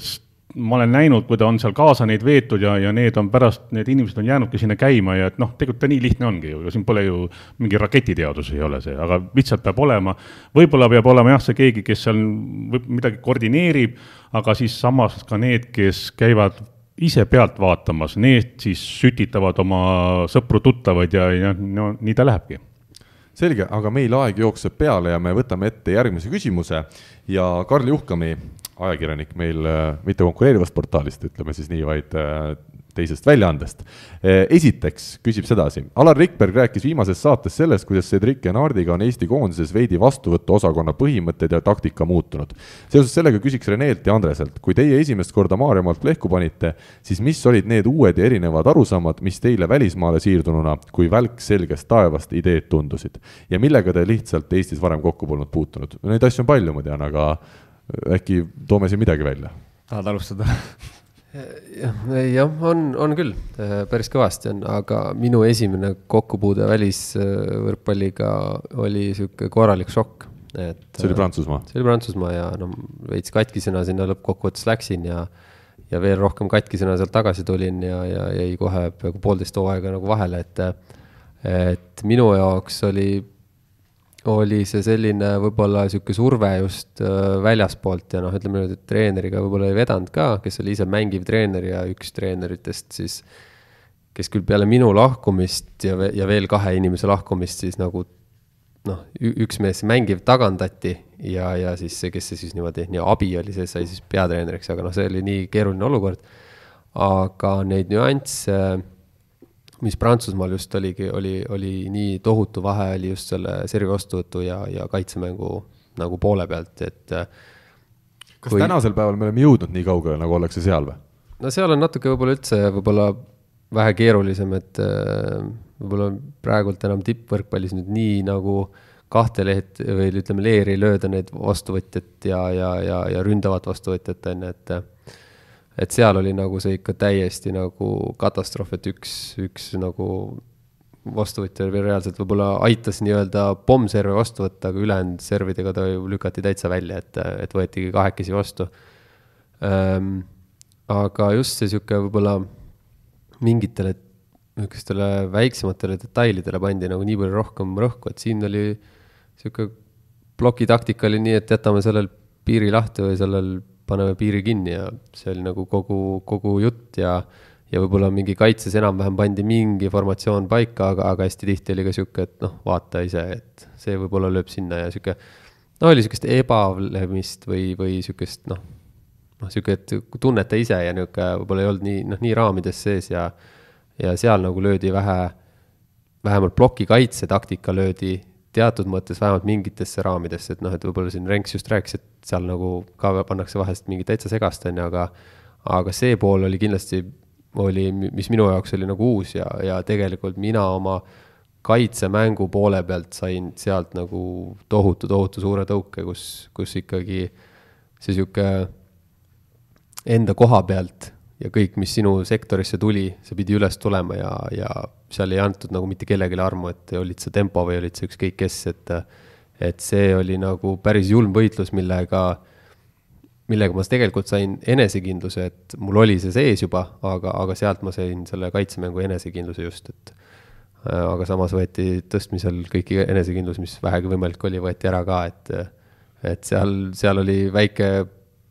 millimeetrite mäng, kus kellelegi pall ei sobinud ja, ja sealt said niisugust tuld, et pärast tahtnudki tõsta enam, et.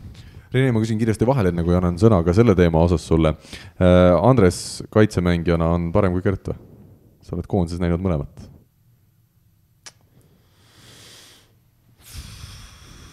ega kirved nad ei ole kumbki, see on selge. nii. ma arvan, et Andres võib isegi parem olla, no noh, ütleme, Andres teab seda vastust tegelikult ja teab ka ausalt seda vastust, mis see, mis see tõde on, seda ta peab ise ütlema aga.... võib-olla Gert on vanusega natuke laisemaks läinud ei tea, jah, tegelikult võib-olla on see, et äh, just no ütle, et oled ikka parem, no mis. no ei, no võib-olla mingil hetkel nüüd olin jah, siis kui, kui, kui ise veel mängisin lõpus, aga, aga võib-olla just see, mulle endale meeldib hästi palju dikteerida seal äh, julgestuse osakonnas, et äh, võib-olla see oli, kus Gerdil hakkas natukene nagu noh, tõstet vaatama ja siis jäi sinna, kus jäi, et äh, mulle hästi meeldib ise seal võib-olla ringi rallida ja neid kohti otsida. ja selles ma tundsin ennast jube hästi ja, ja mulle meeldis võib-olla natukene majandada ka, et kus kellelegi näpuga näidata, kus seista ja nii edasi, et äh, seal ma tundsin hästi, ma ei oska öelda, kas, noh, kas ma nüüd nii kasulik sellega võistkonnal olin, ma loodan, et olin. aga, aga see oli see pool kindlasti, mis mulle nagu hästi meeldima hakkas no fakt on see, et mõlemad on tõesti kaitses, nad on head ja ilmselt teevad mõnelegi liberali silmad ette, see on, see on ka selge Rene, sinu, sinu teema siis äh, jätkuks? ohohoo, tead, äh, minu ju välismaa algas ka ikka ilge pauguga, noh, Itaaliasse ju, äh, kohe Eestist, et küll tagumise otsa sats ja no oligi, noh, see oli ka veel meeletult keeruline nagu olukord, kus oli, oli palju, palju talendikaid noori ja, ja, ja asjad ei sujunud ja, ja samas oli nagu oli nagu treener, kes oli üliräige nagu selline üksipulgi mängu lahti harutaja ja ütleme, see pudru ja kapsad oli nii meeletu ja siis olid seal mingid kogenud vennad, kes nagu muretsesid ainult enda pee pärast, on ju, ja ja seal oli nagu, seal oli selles mõttes nagu oli kõik oli uut, et äh, iga, iga nagu nurga pealt, et need kogenud mängijad ka nõudsid mingeid asju kohati, millest sa mitte midagi aru, midagi, varem ei olnud midagi kuulnud, on ju, et et äh, tõesti, mul on ka siin selles mõttes mingeid üksikuid asju väga nagu keeruline välja tuua, et pigem ma ütleks, minu silmi hakkas avama Gianni ikkagi koondises, kui ma sinna läksin, et äh, et ma ikka tulin ju päris, päris äh, tühjana tagasi sealt Itaaliast, et et ju ei saanud ju seda mänguaega, on ju trennis samamoodi, kuna tulemused, ütleme, ei vastanud ootustele, siis äh, ilmselgelt ju kõik aur ja rõhk läks ainult sellele nii-öelda A poolele, kõik teame, et A ja B pool on Itaalias, on ju, oli ka seal niimoodi. et äh, see otseselt mulle, mulle midagi see aasta selles mõttes ei andnud jah, et äh, sai, sai selles mõttes, sai viga tehtud, kui nüüd karjäärile tagasi võtta, et oleks ilmselgelt võinud kuskil targemas kohas olla esimene aasta et jah, see võrkpall on vaata nii palju muutunud ka, et sa, ma arvan, et jah, oligi, minul oli samamoodi, Gianniga samamoodi, kus, kus nagu keegi treener, kes reaalselt nagu pühendas sulle aega, et nende asjadeni jõuda, sest ta nagu selgelt nägi, et, et me oleme mingis teatud asjades oleme kuskil noh, nii-öelda vanema generatsiooni võrkpallis veel sees ja, ja ta nagu leidis kuidagi personaalselt nagu ka aega sinu jaoks või, või, või eraldi osakondadele, et tegeleme nüüd sellega, tuleme sellega järgi. noh, ütleme nii, et lihtsalt sa näed nagu ka eelmisel aastal nagu oli Birooliga näha, et ta, tal on mingid lemmikasjad, mida ta, talle meeldib siis, mida ta on eriti võib-olla hästi nagu märkab ja siis nendega pühendub ja noh, selles mõttes ongi, et võrkpall kogu aeg muutub ka, et, et et siin ongi iga, iga hetk sa näed mingeid uusi nüansse ja, ja noh, praegultki Rainer tuleb Poolast, siis, siis tema näeb hoopis mingeid teisi nüansse, kuhu poole püüelda, nii et see, käib nagu asjaga kaasa, ajaga kaasas aga läheme järgmise küsimuse juurde, mis Karl Juhkamäe meile on esitanud ja see, see kõlab siis nii. teiseks, kui te ühel hetkel ei saaks tegutseda enam oma tavapärasel positsioonil, siis mis positsioonil te üritaksite oma karjääri päästa? siinkohal ei pea ma silmas, et endine kahe vasaku käe mees ütleks, et tema tahab maailmale tõestada, et, et oksa kohaga on võimalik ka liberaalne tegutseda, vaid ikkagi reaalset vastust koroona olukorras, kui äh, võrkpalliga oleks tarvis leivapalukest lauale tuua ja ah jaa, treeneri statistiku kärumehe amet ei loe, on ta lisanud. nii et äh, Renest meil liberot ikkagi ei saa, selle lepime siis kokku, et sa pead ikkagi mingi muu positsiooni valima, see, minule see tundub hästi selles suhtes lihtne, et siin on ju kas nurk või tempo oleks Rene valik ju, ega muid valikuid ei olegi ju aa ei, nurk kindlasti, selles mõttes, kui me räägime, kui ma pean platsi peal positsiooni vahetama, siis kindlasti nurgaründaja. Äh, ma arvan, et tänasel päeval ma oleks kõvasti parem nurgaründaja kui, kui ka kunagi ütleme, see enesekindlus ja kõik see juba on nii palju kindlasti kõrgem, et ja, ja, ja samamoodi ma arvan, et äh, nende pommide nii-öelda päästmisega ma saaks ka hakkama, et võib-olla hea, hea küll, kui mingisuguseks äh, planeeriva servi vastuvõtuks läheks ja siis võib-olla tekivad mingid probleemid, aga noh, tänapäeval mängitakse süsteemi, kus sellel, selleks puhuks nagu peidetakse mängijaid seal platsi peal, et äh, et äh, jaa, jah, nurgaründaja, ma arvan küll kindlasti, et pipe äh, rünnak mulle sobib. Äh, nelja plokki ma suudan minna samamoodi nagu, nagu teispoole, et seal mul ei ole üldse vahet ja nelja pealt rünnata mulle meeldib ka väga, nii et mul ei ole probleemi. kas see oli Belhatovis üks meistrite liiga mäng, kus sa mängisid sisuliselt kas kolmel positsioonil ühe kohtumise jooksul, kuna teil olid kõik mehed vigased, vigased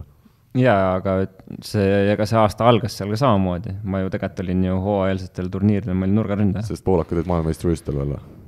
Poolakad ja iraanlane ja, ja serblane äkki ka. ja et meil oli väga poolik see sats seal jah, ja siis me pidime kuidagi niimoodi majandama. ja ütleme, ega see fook-, kui sa paned ikka full fookuse nagu sellele asjale, siis tegelikult sa saad hakkama ka, et noh, ma püsisin ju Poola satsidega, tantskite asjadega mängisime, võitsime ka neid. et täitsa Poola tasemel nurgaründaja, mis peidus okei, nali naljaks aga, aga jah, see Berliini mäng eh, Nardi vastu ka oli jah, selline huvitav, kus, kus sai mängitud tõesti ka keskel. sa said ju mõne tõste ka sinna või ühe vähemalt said? no sidemängija selles mõttes on muredega vend, et ta tunnetab, kellel on nagu enesekindlust ja mul selles mõttes mäng jooksis ja, ja ei olnud vahet, kus ma olin, kas ma olin vasakul, paremal, keskel,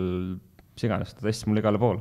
viis tõstet minu arust, kui ma ei eksi, äkki, äkki esimese kohe eksisin, lõin out'i natuke, aga siis ülejäänud neli, ma arvan, minu arust lõin ära. ma enam ei mäleta, kas ta tõstis sulle tavalist? meetrit lõime, enda arust ma olin ikka väga õigel ajal kohal, aga kui sa pärast seda pilti vaatad, siis saad aru, et see on ikka täitsa mööda, noh, ja aga sellepärast ma arvan, oli ka oli ka vastastel väga keeruline, et no niisugune nii ebastandardne vend no, ei oskagi midagi teha, sest minu arust ma lõin need kõik ühte suunda ka, noh, ega see keskmine on ikka mitte midagi aru no. Andres, kas sinu puhul siis võime vastuseks tuua ikkagi selle liberameti või? Äh, jaa, ei ma olen isegi trennis siin see aasta küll nüüd natukene võib-olla vähem, aga mul on isegi ühe, ühe, ühes trennis vist seisin seal Teppanile vastas meelega, äh, aga, aga ma eelmised aastad tule uuesti natuke..., tule uuesti. jah, tulen eelmine aasta sai natuke rohkem või üle-eelmine aasta veel rohkem, et ähm, ei, ma võin seal kaitses seista küll, et ähm, väga palju liikuma ei pea, võib-olla valid natuke paremini kohti ka ja ja samas ega jalad nüüd nii aeglaseks ka ei ole jäänud ja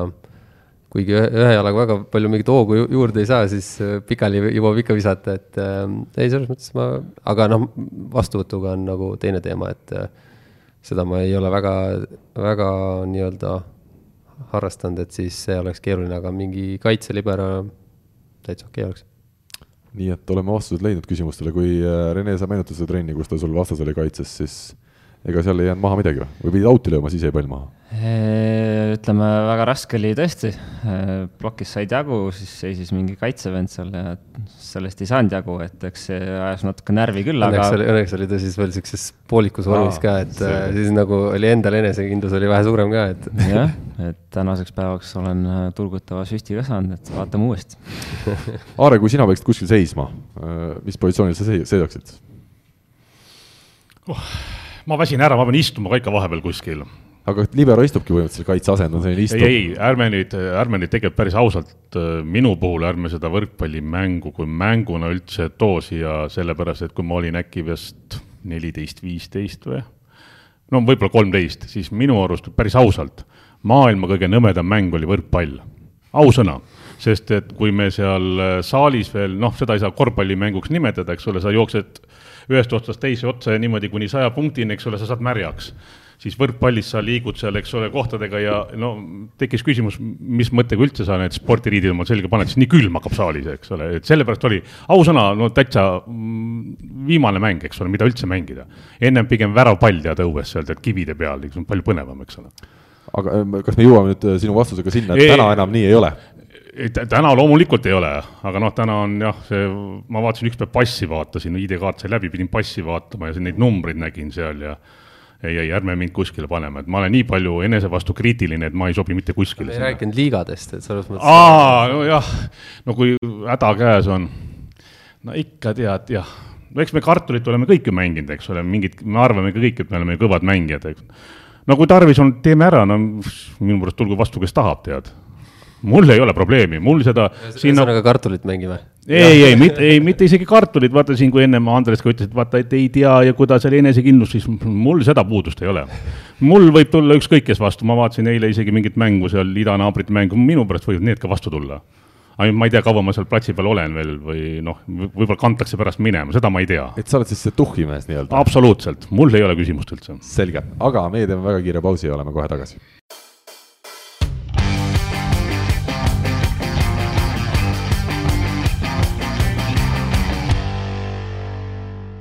ja jätkame nüüd siis küsimustega ja tegelikult see eelmine küsimus, millega me pooleli jäime, on siit põhjust ka edasi minna, sest ähm, Karl Juhkami lõpetab siis oma teise küsimuse sedasi, et äh, sama küsimuse jätkumõttega Karlile, kes kindlasti tahtnuks rannavõrkpallis oma positsiooni vahetada. Kui sa ei saaks juhtida võrkpallisaadet, siis mis ala saadet sa juhiksid, kuna sul on võimalik valida rohkem kui viie positsiooni vahel, siis viisakas vastaja jätaks kergejõustiku ja korvpalli, mida sa kohati söögi alla ja peale kajastad, äh, vastuse seast välja. nii, äh, väga huvitav on ka vahel olla vastaja rollis äh, mis on juhtunud, olles spordiajakirjanik, spordireporter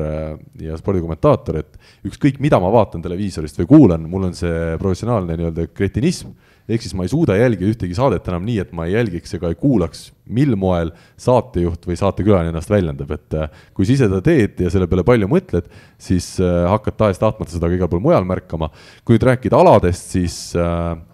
mis mulle meeletult meeldib, on laskesuusatamine, mida ma arvan, et oleks ka suhteliselt lihtne selles suhtes kommenteerida, et on väga põnev ala, kus juhtub palju ja mis eestlastele ka korda läheb, kahtlemata on huvitav kommenteerida ju sporti, mida sa tead, et inimesed jälgivad. ja aga teine asi, mis ma olen mõelnud, et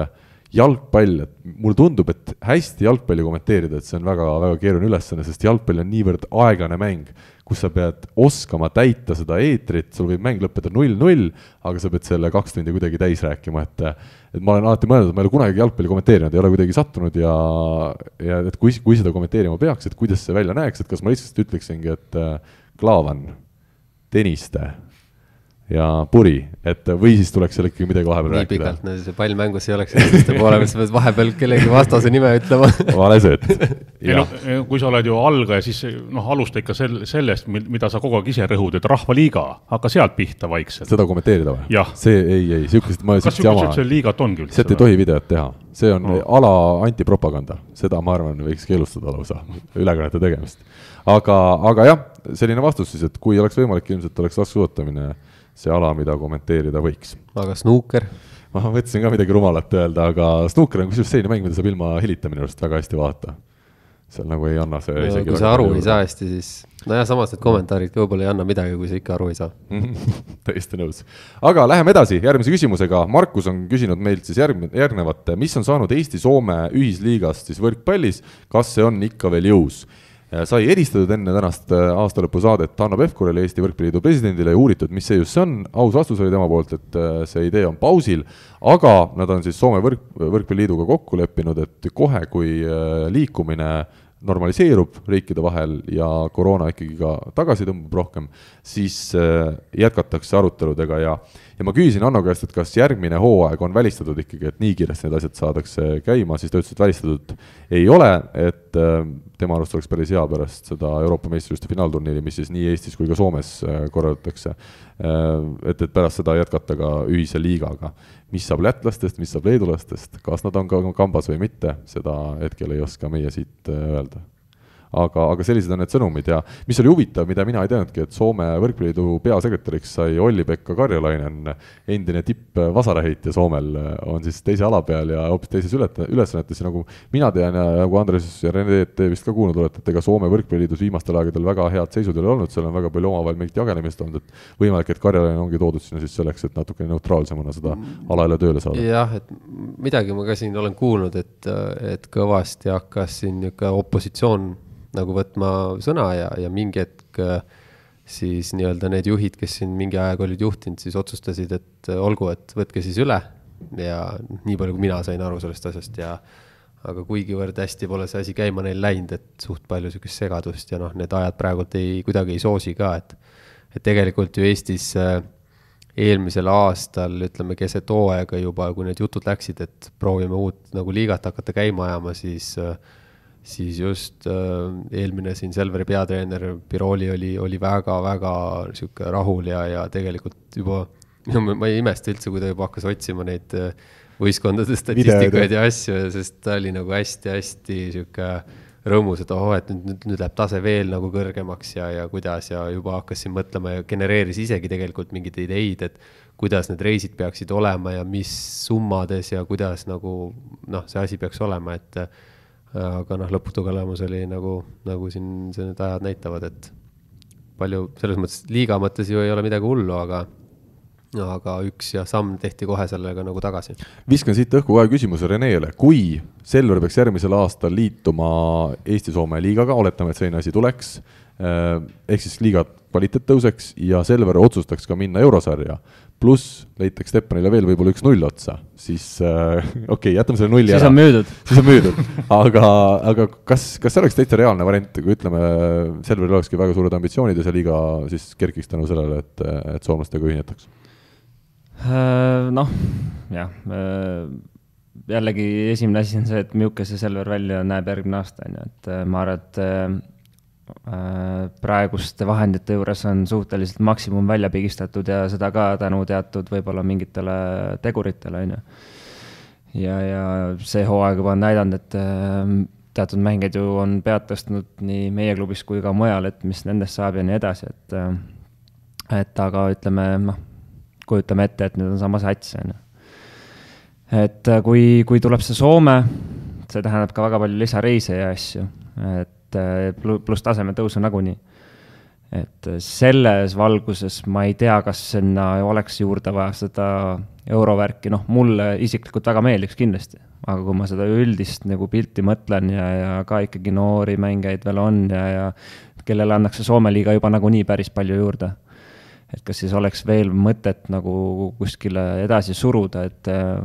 et jah, ütleme väga pull oleks tõesti, aga siis see tähendaks eluratastel, siis see tähendaks seda, et sul on ikkagi valmis mängijad, kes, kellele piisab sellest, et sa hoiad mingit teatud äh, rütmi, taset ja, ja mingit asja, et et, et aga praegusel hetkel ikkagi on Selveris palju mängijaid, kes vajavad ka just väga palju, ütleme, seda musta töö tegemist ja, ja ütleme, enesearengut, et et selles valguses võib-olla oleks, oleks Soomest küll ja veel ja eurot ei peaks puutuma, aga kui ei tule Soomet, siis igal juhul oleks vaja äh, väljundit äh, välismaale, Euroopasse siis. Järgmine küsimus. Küsib Anna, kes meil on ka selline suur kuulaja ja esmalt ta kiidab Kristjan Kaisi, keda tema sõnul võikski kuulama jääda, aga küsimus, milleni ta siis lõpuks jõuab, on järgmine. eelmises saates sai räägitud Mart Tiisar, Timo Lõhmuse nii-öelda kooslusest, et seda ütlesid äh, Kais ja, ja Rikberg, et see oleks võib-olla meil hetkel see kõige tugevam tuua, kui nemad koos mängiksid. nüüd äh, olen ise sama meelt olnud juba pikemat aega, ütleb siis Anna, et see paar võiks olla Eesti parim. minu arvates on Kusti kaitsemänguliselt hetkel parim, kuid Lõhmus jõuaks ehk vähemalt samale tasemele küsimäng Lõhmuse rünnakuvõimsus tema pikkuse juures on pehmelt öeldes muljetavaldav. kas Tiisar-Lõhmus variant on koondise mõistes laual olnud või vähemalt äh, saatetegijate mõtetes? kuna meil Rivot täna ei ole, siis meil on natuke keeruline sellele vastata aga, aga. no nii palju selles mõttes saab, et olles ise ka kuulanud äh, eelmist saadet, siis äh, mingisugused asjad nagu välja joonistuvad, et et kui kunagi oli juttude järgi, siis mäng, ütleme, osavuse peal rohkem ja, ja kasutati seda platsi rohkem ära ja nii edasi, siis võib-olla sellesse ajastusse sobiks Kusti ka rahulikult, on ju. et aga kui, kui räägitakse, et äh, on ikkagi see mängu iseloom väga palju füüsilisemaks läinud ja nii edasi, siis noh, ilmselgelt äh, tuleb see rünnaku võimsuse osakaal ka nagu paratamatult sisse, et äh, eks siin ongi nagu see teema, et kas, kas Lõhmuse siis rünnak äh, kaalub üle näiteks Kusti teatud mingid kaitseomadused ja nii edasi, et äh, oleneb jah, millele on nagu parasjagu vaja rõhku, rõhku panna, et äh, ma ka jah, ikkagi ei ole kindlasti rannavalle ekspert, aga, aga noh, mingeid teatud asju selles mõttes saab kokku viia, aga noh, ütleme, oleme ausad, ega see, ega see lihtne tegevus ei saaks olla, isegi kui, sest et kogu see süsteem ikkagi on ju Mardil ja Kustil nagu koos kokku pandud ja, ja ja ma selles mõttes ei, ei kujuta seda hästi ette väga mitmel põhjusel, seda lahkuminekut, et et kõik ei, elus ei ole ainult nii lihtne, et sport ja, ja, ja, ja umbes parim tulemus, et seal on väga palju asju ka vahel mängus, et et Lätis tehti seda, selles mõttes see toimis, tagantjärele võime öelda, on ju, löödi olümpiapronks äkki olid nad koos mm. -hmm löödi laiali, kõik mõtlesid, hoidsid peast kinni, mis nüüd toimub, on ju, aga, aga samas ma arvan, et need, nad ei kahetse seda otsust, nad tegid seda. Või vähemalt üks neist ja Aare, mina, mina arvan, ma ütlen ka lihtsalt see, et äh, me oleme vaata siin rääkinud ja keerutanud, et noh, et, et kui me võtame niimoodi mänguoskuste mõttes või, või kuidagi endale tunduvalt, et sobib või, või kes võiks astuda sammu edasi või kes midagi võib-olla pidurdab või mida iganes, on ju, et. et siis justkui tunduks loogiline see selline, selline Tiisaar siis lõhmuse sihuke variant, aga, aga nagu Renks ütleski, et äh, kui palju on tõenäoliselt Kusti ja Mart nagu oma aega ja kõik seda pühendanud puhtalt selle ülesehitamise, nende enda sihuke väike marketing ja kõik muu asi ja see nüüd järsku nagu lihtsalt ära lõpetada ja, ja, ja, ja võib-olla kellelegi väga palju liiga teha, et siis ma ei, ma ei kujuta ette seda enam, et mehed on head sõbrad, on ju, siis, siis ei tundu kuidagi, kuidagi väga loogiline. no me ei tea see... isegi ju, vabandust, et äh, kes selle finantspõhjagi näiteks, oleme ausad, see on väga oluline teema, on ju, eriti rannavõrkpallis, kus nad ise ajavad oma asju vaata välja, et võib-olla see on äh, näiteks, Kusti on väga-väga kõvasti panustanud ja näiteks äh, Mardil ja Lõhmusel näiteks kahekesi ei olegi lihtsalt vahendeid seda asja ellu viia, aga mis ma tahaks ka veel ikkagi ja lisada sinna kogu kompoti juurde, et noh, ilmselgelt neil on vaja, on vaja ikkagi seda tiimi enda ümber, et on vaja, nagu saalivõrkpallis, seal ei ole mitte mingit vahet, ma arvan, täna seal on füsioterapeut peab olema olemas, neil peab olema äh, keegi, kes teeb selle ettevalmistuse, keegi, kes oskab mängu lahata ja teha mingeid analüüse nii enda kui vastaste kohta. pluss siis peab olema ka väga korralik äh, treener, et äh, tahtmata öelda, et neil ei ole korralik treener, aga ütleme, see staff ikkagi selgelt on ju neil õhuke hetkel täna aga ma lihtsalt tuletan lõpuks veel meelde kuulajatele, kuna mitmendat saadet juba järjest sellest äh, räägime siin põgusalt et tegelikult Kusti ja Mart on ikkagi maailma seal kolmekümnenda paari ümbruses, et, et me ei räägi siin sellest, et nad ei ole kuhugi jõudnud ja midagi saavutanud. lihtsalt küsimus on selles, et kas kellegi teisega mängides saaks Mart veel kaugemale jõuda. või Kusti. Jah, täpselt samamoodi nii selles mõttes jah, et jah, ma miskipärast näen ka, et see kolmkümmend on seal nagu suht äh, sihuke lagi, et, et heal päeval natuke kõrgemal, halvemal päeval natukene allpool, et aga sellist murrangut nagu kuidagi ei näe, et nüüd murraksid top kümnesse ennast. Aare, Aare, kuhu sina ennast elus oled murdnud ja, ja mis tundeid sinus rannavõrkpall tekitab? Noh, kui saalist veel midagi saan aru, siis rannast siis saan ainult nii palju aru, et seal on päike ja liiv, noh, sihukeses ideaalvariandis, eks ole, et ähm, rohkem ma ei saagi midagi aru. väga hea. aga kus ma läbi murdnud olen läbi jää, kui sa sealt Saaremaalt talvel tuled? ei olegi läbi jää kukkunud vist, ei olen küll, kunagi olen lapsepõlves olen mingi järve jääst olen ikka läbi kukkunud, aga siis ma ei teadnud Saaremaast midagi. oh, no vot, ühesõnaga ise hakanud äh, saarlane lõpetab selle küsimuse väga kenasti ja meie läheme edasi ja küsib äh, kuulaja nimega Marten miks on võrkpalluritel kohati veidrad särginumbrid neli pluss, tuhat kakssada kaks ja nii edasi? kas tegemist on ainult Eestis leiduva nähtusega? korvpallis ja jalgpallis numbrid ju null kuni üheksakümmend üheksa ja kas muudaks võrkpalli ka kuidagi sportlikumaks, kui numbrid oleksid tõsiseltvõetavamad, kas või mängijatega suhestumisel, fännistafi müümisel või muu selline. ühesõnaga, esimene vastus on see, et neli pluss on siis äh, lasterikaste isade MTÜ Tartus, tänu millele Märt Tammearu äh, kannab seda numbrit. Ja tuhat kakssada kaks on siis Glass Drive, peaks olema lühinumber, ka Tartu Bigbanki toetaja, sealt on need numbrid tulnud, aga vastus, kas see midagi muudaks? No oota, ongi, ega Eestis selles mõttes ma olengi ainsana näinud selliseid äh, kombineerimisi, samamoodi kunagi Tartus, kas äkki tänagi veel, üks, kaks, null, kaks, vaatan, Hurda, Hurdal on vist seljas praegu. See on äh, siis pandud nii-öelda eeldatavale põhimängijale, kes nagu peaks väljakul olema võimalikult palju. Ja, ja see on ilmselgelt selline sponsorluse korras tekitatud asi, et äh, mis välismaal vahest, mitte vahest, vaid siin viimasel ajal natukene malliks saanud on on äh, pandud vahele sünniaastaid, ütleme, seal on mingid üheksakümmend kolm ja üheksakümmend seitse ja mingid siuksed numbrid on nagu tekkinud, aga nendel ilmselt on mingisugune põhjendus selles osas just, et äh, et kas näiteks keegi on vahetanud klubi ja seal see tema lemmiknumber on juba kinni nagu võetud, et see, see on küll teema, et kohati sa ikkagi ei saa nagu seda numbrit, mida sa soovid või räägid läbi ja siis kuidagi läbi selle kommunikatsiooni saad sellele ära räägitud, aga, aga mingit muud teemat seal nagu ei tea küll, et oleks. jah, ma arvan ka, et siin väiksemates liigades on see niisugune võimalus olemas, kus mingi väikse raha eest või, või, või suurema raha eest saab, saab sellist numbrit tellida või, või panna.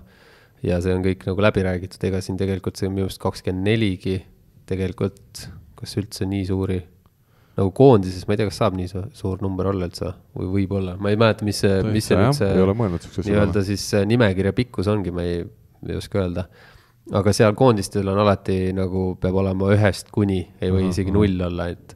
et aga väikestel liigadel on see nagu võimekus olemas, et noh, ma tean jah, et siin on isegi komadega, et kaheksakümmend kaheksa koma kaheksa oli, ma ei mäleta, mingi raadiojaam kunagi,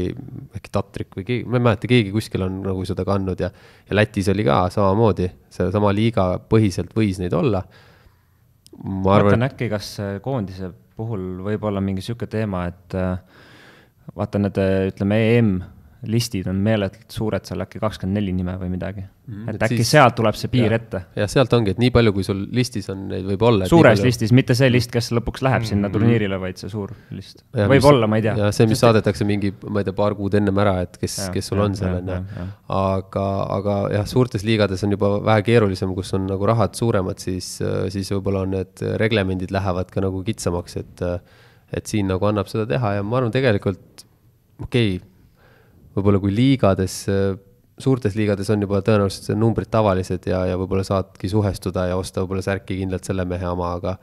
aga, aga just siin võrkpallis hästi palju nagu mehed liiguvad aastast aastasse kogu aeg ja, ja tihtipeale sa ei saa enda numbrit, et sa pead olema päris superstaar, kui sa saad enda numbriga kogu aeg mängida. ja need numbrid vahetuvad ja, ja sellega nagu see on niisugune suht paratamatus, et midagi, midagi ei ole teha aga valime välja nüüd siis äh, seekordse parima küsimuse või huvitavama küsimuse.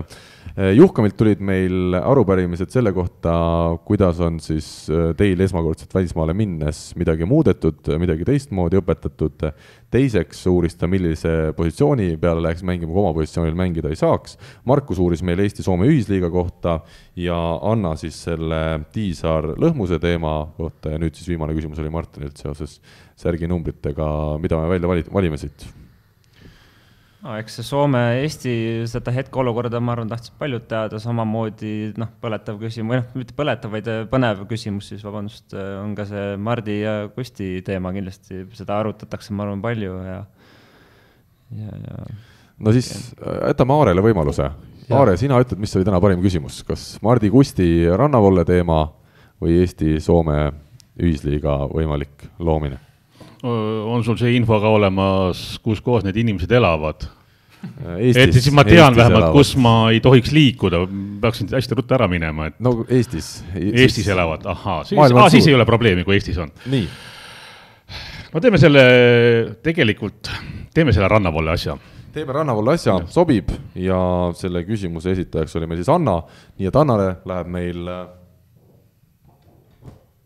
kinkekaart, näitame ka seda, sest need on eraldi meile välja toodud, raadiosaates meil seda võimalust ei ole, nii et head kuulajad-vaatajad, selline see siis eh, välja näeb ja see läheb Annale. aga meie ei lõpeta siin kinkide jagamist, sest meil on Aarele ka üks kingitus anda. ja ma võtan selle välja siit kotist mm. -hmm. Need on ju tossud ja Andres, ma küsin esmalt sinu käest, kas sina oskad arvata, kelle võrkpallitossud need võiksid olla? see Teppan jama teeb suur number igatahes, ma näen. kas Teppan tunneb ära need tossud või? ma ütlen numbri ka sulle, Rene, igaks juhuks. peab ütlema muidugi. see on nii suur number, et see on vist eritellimusel kuskil tehtud, see on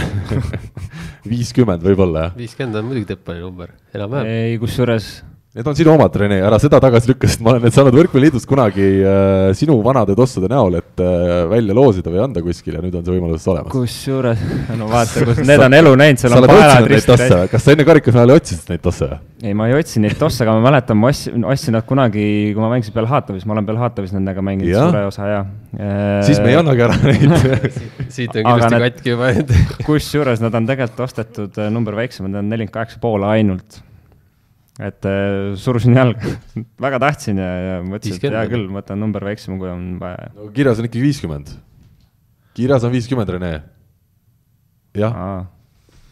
no siis ma peksan lihtsalt segast. palju tosse siis peab praegu proovima neid, kas lähevad jalga või ei lähe palju tosse mängijal hooaega kulub? tuhka teinud, peab vaatama, kellele sobivad jalga kui palju? tosse aastas kulub, kulub. mängijal väga erinev. Liivas ei kulu ühtegi, võin öelda. seal on teatud asjad nagu, millest sõltub siis ütleme, et äh, tossu, kas ta on pehme või jäik. mulle isiklikult meeldivad pehmed tossud, see tähendab seda, et nad lähevad kiiremini ka läbi. on näiteid, kus äh, üks tempomees vahetas üle kahe nädala tosse, ehk siis võid kokku arvutada, hooaeg kestab kaheksa kuud. Ja teine asi on see, et kas sa kannad näiteks äh, sees neid hüpekakaitsmeid, need venitavad ja lõhuvad tossu juba iseenesest, et äh,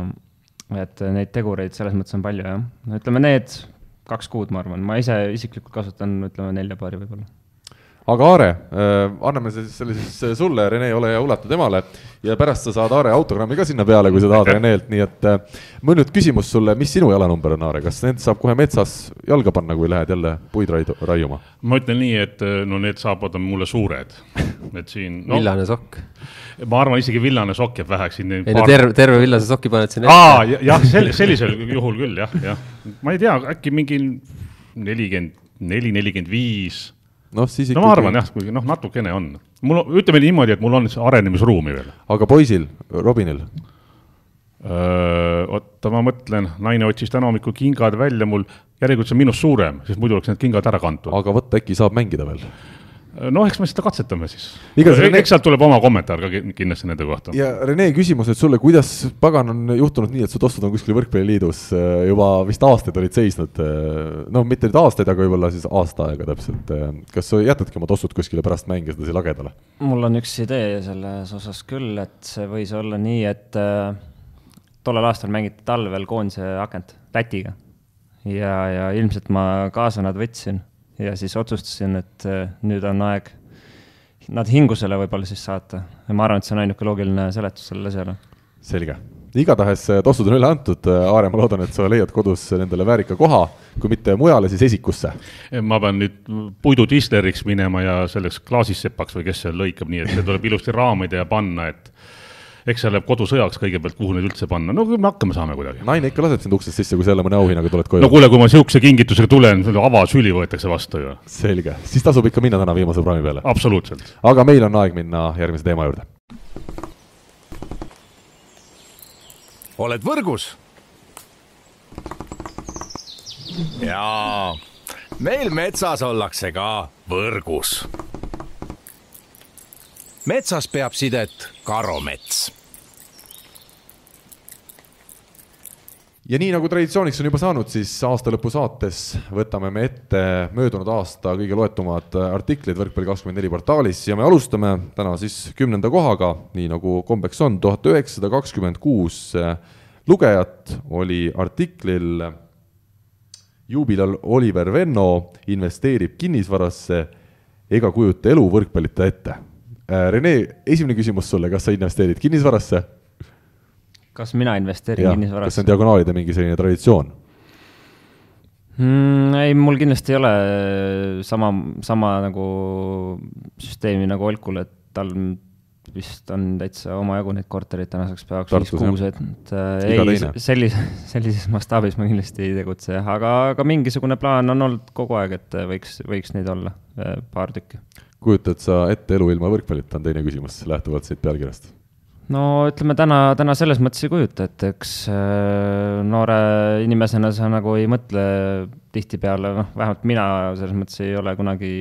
liiga palju ette elus mõelnud, et äh, samamoodi ka praegust, et ega kui sa küsid, et äh, kui täna oleks mingisugune vigastus, mis lõpetab mu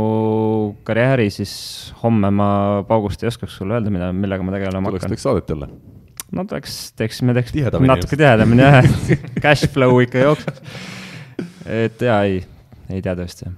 Aga kui palju mängijad omavahel arutavad selliseid asju, sa ütled, sina ei ole sellele väga palju keskendunud või mõelnud, aga palju on selliseid mängijaid, kes tõesti loevad iga senti, panevad selle kuskile arvele, investeerivad, ostavad äh, midagi kokku, sa oled jälle mänginud suurklubides, kus raha käib ka päris palju ringi, et äh, palju on selliseid mängijaid? noh, ikka on, on ja ei ole, ütleme siis nii, et äh, Poolas ja, ja Itaalias ikka kindlasti oli neid investorvendi ka, aga no ütleme, paljud paraku, või noh, mis paraku, et ei, paljud ei räägi sellest võib-olla ja, ja ütleme, tehakse seda kellegi kolmanda isikuga, mitte siis võistkonna sees, et on ka ühisettevõtmisi olnud ette tulnud, aga, aga pigem nokitsetakse võib-olla jah, rohkem nagu oma käe peal seal, kui raha kuidagi on olnud selline tabuteema igal pool, et sellest ei, väga ei taheta rääkida ja kui kellelgi mingi hea asi tuleb, siis hoitakse seda enda teada ja nii edasi, et see on klassika. aga kas eh, palku üksteisel mängijad teavad või see on ka selline asi, mida üldiselt ei puudutata või? no pigem ei puudutata jah, et äh, mingite lähedamaste äh, mängijatega me oleme ikkagi nende numbriteni ka jõudnud ja, ja selles mõttes on olnud huvitav teada, siis läbi selle sa oskad ka ennustada, ütleme, teatud liigas mingit äh, keskmist taset või, või palju üks või teine võib saada, et noh, tegelikult see on ju selles mõttes põnev teema, et aga, aga jah, ikkagi enamus inimesi sellest kõva häälega rääkida ei taha ja hoiavad oma teada mis mul tuli meelde selle teemaga seoses, on see, et hiljuti üks Saksamaal mängiv äh, temporündaja, kes on vist äh, ühest Aafrika riigist pärit, ma ei mäleta, mis Aafrika riik see oli, ta oli ostnud äh, Aafrikas maad kokku ja seal oli avastatud tema maal, et on mingisugust loodusvara saab sealt ja, ja nüüd tal oli siis küsimus vist, et kuidas seda nii-öelda ametlik, mitteametlikult sedasi seda rahaks teha, et, et ei peaks meeletuid makse sellesse Aafrika riiki äh, maksma, aga, aga see teema jääs jääda sinnapaika, see ei ole enam meie probleem täna. tuleme üheksanda koha juurde ja Andres, siin on küll põhjus vaadata natukene ka sinule otsa. kapten Gert Toobal sai kaksikute isaks, sai meil siis portaalis tuhat üheksasada kuuskümmend üheksa lugejat. tähtis sündmus mitte ainult Gerdile, vaid ma usun kogu suguvõsale ja, ja vaata et kogu Eesti võrkpallile jaa, väga-väga tore, eile nägin neid täitsa, väga-väga palju oli talle kasvanud, väga tore. ja, ja ei, see oli, see oli tõesti väga-väga, väga äge sündmus kogu meie perele. kui palju Gert on muutunud pärast isaks saamist, kas äh, tema ajajaotus, tema mõttemaailm on seal märgata mingeid erinevusi? jaa, kindlasti, et eks see mõttemaailm ka ja et, et eks ta ei ole pidanud äh, nende selliste probleemide, rõõmudega ennem ju väga palju tegelema ja eks seda on, on, on tunda ikka loomulikult, et, et sellest on kõik aru saanud ja väga-väga-väga tore. kas selles peres äh, ikkagi ju ka abikaasa mängis võrkpalli noorena? mitte, et ta enam ei oleks noor, ärme valesti aru saa. Äh, kas sellises peres, sa arvad, on võimalik ilma võrkpallita üles kasvada või läheb see, läheb see nii, et nendest ikkagi noorpõlves saab vähemalt mingil tasemel võrkpallur? Äh, vot ei tea, selles mõttes äh, oleneb, millega ju nad, äh, kui nemad juba sellises vanuses on, kus nad peaksid hakkama enda huvialasid leidma. siis on siis... Gert võib-olla lõpetanud. jah, ei tea, võib-olla. aga onu Andres kindlasti veel mängib. jah, seda ka ei tea aga eks see ole see, ma ei usu, et Gert nüüd selline on, et kui ta isegi sellel ajal enam ei tegele ise võrkpalliga või ei ole üldse võrkpalli juures, et nüüd hakatakse sundima, et ma arvan ikkagi, et äh, lapsel on nagu ikkagi ise ja lastel on võimalik ise valida, mida nad soovivad teha ja noh, muidugi tore, kui nad ju võrkpalli juurde, sest iseenesest geenid ju seda soodustaksid ja, ja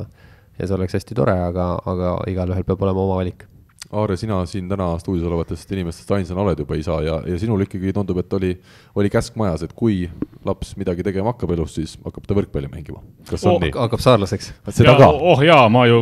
võin ju pikalt, võiks, võiks eraldi saate teha, kuida mina olen oma lapsi kasvatanud, eks ole. seal on palju vigu tehtud. tervitan oma abikaasat, eks ole, ta saab aru, millele ma mõtlen, vihjan ah, ega seal, ma olen öelnud seda, et ega lapsi ei saa kasvatada, nad kasvavad ise et sa pead neid ainult suunama ja, ja noh, siit tuleb ja, aga noh, ega poisi see jah, see on ikkagi noh, võime siin natukene nagu nalja visata, aga see on nagu niisugune ema projekt, eks ole, et oh, eks seal poisil ole seal kaikega järgi käidud ja trenni aetud ja, ja noh, eks seal, ega see ei ole ainult meil ju, see on igal pool, et aga nii, noh, tublid nad on ja, ja, ja noh, eks ta nüüd läheb. Aga ka järgmise uudise peategelane on tubli mees, kaheksandalt kohalt leiame siis tuhande üheksasaja seitsmekümne seitsme lugejaga haiguse tõttu juustest ilma jäänud Nõmmistu naudib kahekümne üheksa aastasena elu esimest koondise suve. selline. sellised kollased uudised. noh, aga siis tuleb siin vaadata otsa meie saate kuulajatele-vaatajatele, et, et ärge lugege. aga ei, tegelikult oli ju vahva, vahva sündmus, esiteks see, kuidas Taavi on äh, sinna koondisse pääses esimest korda ja ikkagi ka see, et ta hoolimata haigusest saab korralikult mängida ja olgu siis ka kuulajatele öeldud, et äh, ja, ja vaatajatele, et tegelikult äh, see haigus ei sega tal igapäevaelu ja, ja ta selles suhtes saab elada täiesti normaalset elu. ja Taavi puhul tõesti, et ähm,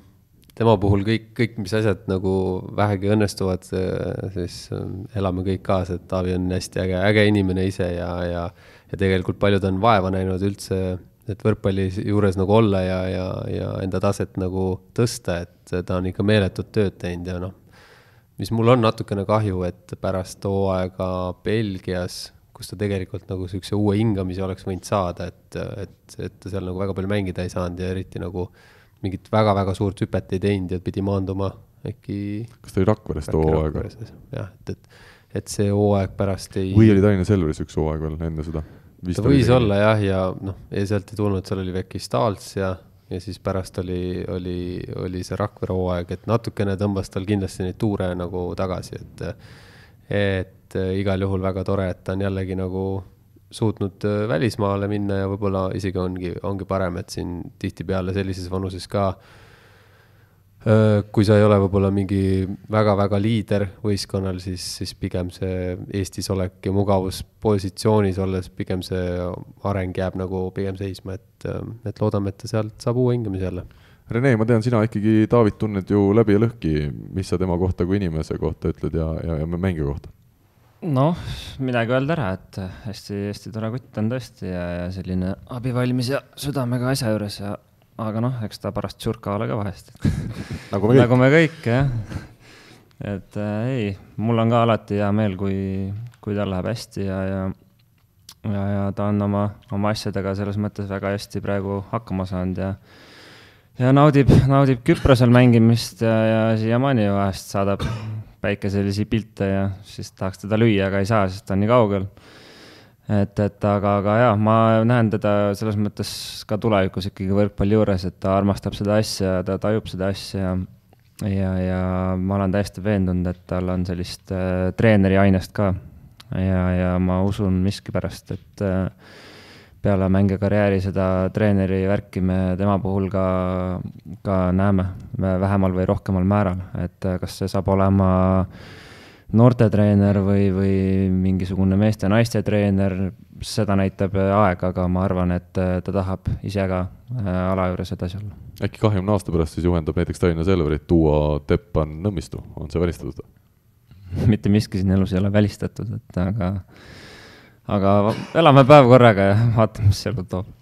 aga meie võtame järgmise koha, see on siis seitsmes koht, kaks tuhat kolmkümmend lugejat, Milano täht Nimir Abdelaziz elu pärast, elu parimast otsusest ja Saaremaaga liitumise võimalikkusest. jälle selline asi, mis, mis siis tõeks ei saanud, ütleme nii kuna Saaremaaga ta lõpuks ei, ei liitunud. miks see Saaremaa teema seal üldse intervjuus siis pärast euromänge saarlastega teemaks tuli, oli see, et ta ei kinnitanud, et ta Trentinoga oleks liitumas, kuigi Itaalia meediatöö sellest kinnitas ja tänasel päeval me saame siis öelda, et tegelikult tal ikkagi oli see Trentino leping siis juba taskus seal oli jah, oli, kindlasti oli, aga, aga seal oli mingisugune teema just sellega, et tuli ju see koroona ja, ja lõpplepingud, mis olid juba siis sõlmitud, siis ju läks jutuks, kus, kus me hakkame teil palkasid cut ima. ehk siis ta sõlmis selle õige lepingu üsna vara ilmselt ette ära, aga siis hakati igalt poolt neid numbreid kärpima ja kärpima ja kärpima ja siis võis olla tal mingisugune periood, kus, kus seda võib-olla tehti tema jaoks nagu liiga palju ja, ja siis, siis ta võttis võib-olla mingisuguse aja maha ja, ja mõtles ja kuulas kuulas maad läbi agendi, et, et äkki näiteks oleks mõistlikum hoopis minna Aasiasse. aga mul on väga hea meel, et ta seda ei teinud ja täna ta on Trentos, sest min-, mulle isiklikult äh, ongi huvi pakkunud, et äh, me kõik teame, et ta on väga potentsiaalikas ja, ja maailmaklassiga ründaja, aga, aga me ei ole keegi selles mõttes veel näinud ka ikkagi endiselt veel ei ole näinud, sest äh, Itaalias suurt midagi välja mängitud ei ole peale superkarika, et kas ta on ka suurte mängude mees, kas ta on ka suurte meeskondade mängija ja tiitlite võitja mees, et seda, seda annab võib-olla seesamune hooaeg ka hilisemas faasis nagu märku see, kui ta mainis seda, või siin pealkirjas oli ka kirjas, et elu parimast otsusest, siis seda me ei pea vist keegi mitu korda mõtlema, see oli see otsus, mil ta otsustas äh, sidemängija positsiooni vahetada diagonaalründaja koha vastu. Aare, millised tunded sinul tekivad, kui Nimir Abdelazizi nimi tuleb ette, Saaremaal ikkagi sai Saaremaa natukene vastu küll, aga kokkuvõttes oli Milano kevadel parem ei, mul ei kuulanud tema nime, mul ei tule mingeid tundeid ei tule. tunded, ma ainult, ainult suhteliselt tundetu olen jah. selge, kas saarlased üldse on nii või see on need ise hakanud saarlased sellised no eks ma jah, võib-olla pigem selle vähemuse esindaja siin teen. selge, aga meie läheme edasi, kuues koht, kaks tuhat ükssada kakskümmend lugejat, Rauno Haidla, Selveri seitsmeteistaastane põhimees, kelle edasised valikud sõltuvad sentimeetritest. Miks see on huvitav artikkel, on kahtlemata seepärast, et ega võrkpalluri elu ju väga palju sõltubki sellest, kui pikk sa oled ja, ja palju sulle kasvu on antud. Haidla tolles artiklis oli sada kaheksakümmend kuus sentimeetrit pikk, kas täna nüüd äh, pea aasta hiljem on ta kasvanud, minu meelest ega väga vist ei ole, Andres Rene ta teie võistkonnas mängib, olete ei te? ole jah, keegi siin mõõtmistega tegelenud. ja venitanud ka ei ole teda trennis vägisi?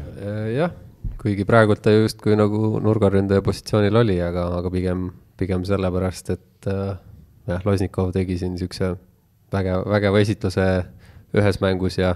kui oli ol- olude sunnil ja, ja, ja pärast seda ju ta tegelikult, tegelikult selle, selle põhikoha nagu päris julmalt võttis endale ja, ja aga noh, nüüd on jälle otsustamise koht, et mis, mis edasi saab, aga, aga Aidlal jah, väga sellisel juhul praegult on nagu nurgaründajana ikka päris keeruline. Kas äh, Rene, sina maailma tipust tead näiteid nurgaründajad, kes on sada kaheksakümmend kuus sentimeetrit äh, pikad, no me muidugi Haidla puhul peame ka rääkima sellest, et loomulikult tal on ka kõikides muudes elementides veel palju areneda, et üldse äh, kõvaks mängijaks saada, aga, aga et kas ütleme, see pikkus iseenesest äh, kannatab sellise pikkusega nurgas mängida tipptasemel? kannatab küll. Kas just äh, põhikoormust kanda, seda ma ei julgeks väita, kui me räägime nüüd kõrgest äh, väga tugevast liigast ja, ja nii edasi, et seal, seal hakatakse kiirelt ära kasutama seda mm, ikkagi selle liiga mõistes olematut plokki ja nii edasi, et äh,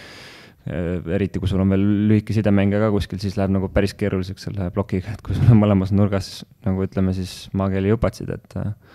et aga rollimängijana küll, et äh, aga noh, see rollimängija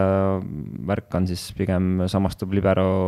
tegutsemisega, et äh, vastuvõtja ja, ja nii edasi, et äh, pigem anda jah, tagaliini vastuvõtuvahetust, midagi sihukest, et et see rünnak ikkagi, sa pead olema selles mõttes ründajana kindlasti nagu väga osav ja pallikäsitlus ja kõik see peab olema nagu väga timm ja sul peab see ikkagi ka seda nagu nähvakat olema, et sa pead olema võimeline sealt alt seda latva lõhkuma ka mingil määral, kui on vaja, et et väga palju näiteid ei ole, et pigem ikkagi meeter üheksakümnest algavad need mängijad, jah. Jah, jõupool on just see nagu, et ükskõik, kas sa oled äh, nagu rollimängija vastuvõtul või, või kui sa peadki sinna ettepoole natukene liikuma, siis selge on see, et praegult füüsiliselt lihtsalt see tugevus ei, noh, ei ole nagu kaugeltki seal, kus ta nagu peaks olema, et, et mingi väga-väga suurt sammu edasi teha, et see, see tähendaks väga, väga, väga palju jõusaalis rassimist ja, ja muid siukseid äh,, siukseid asju, et äh, et aga noh,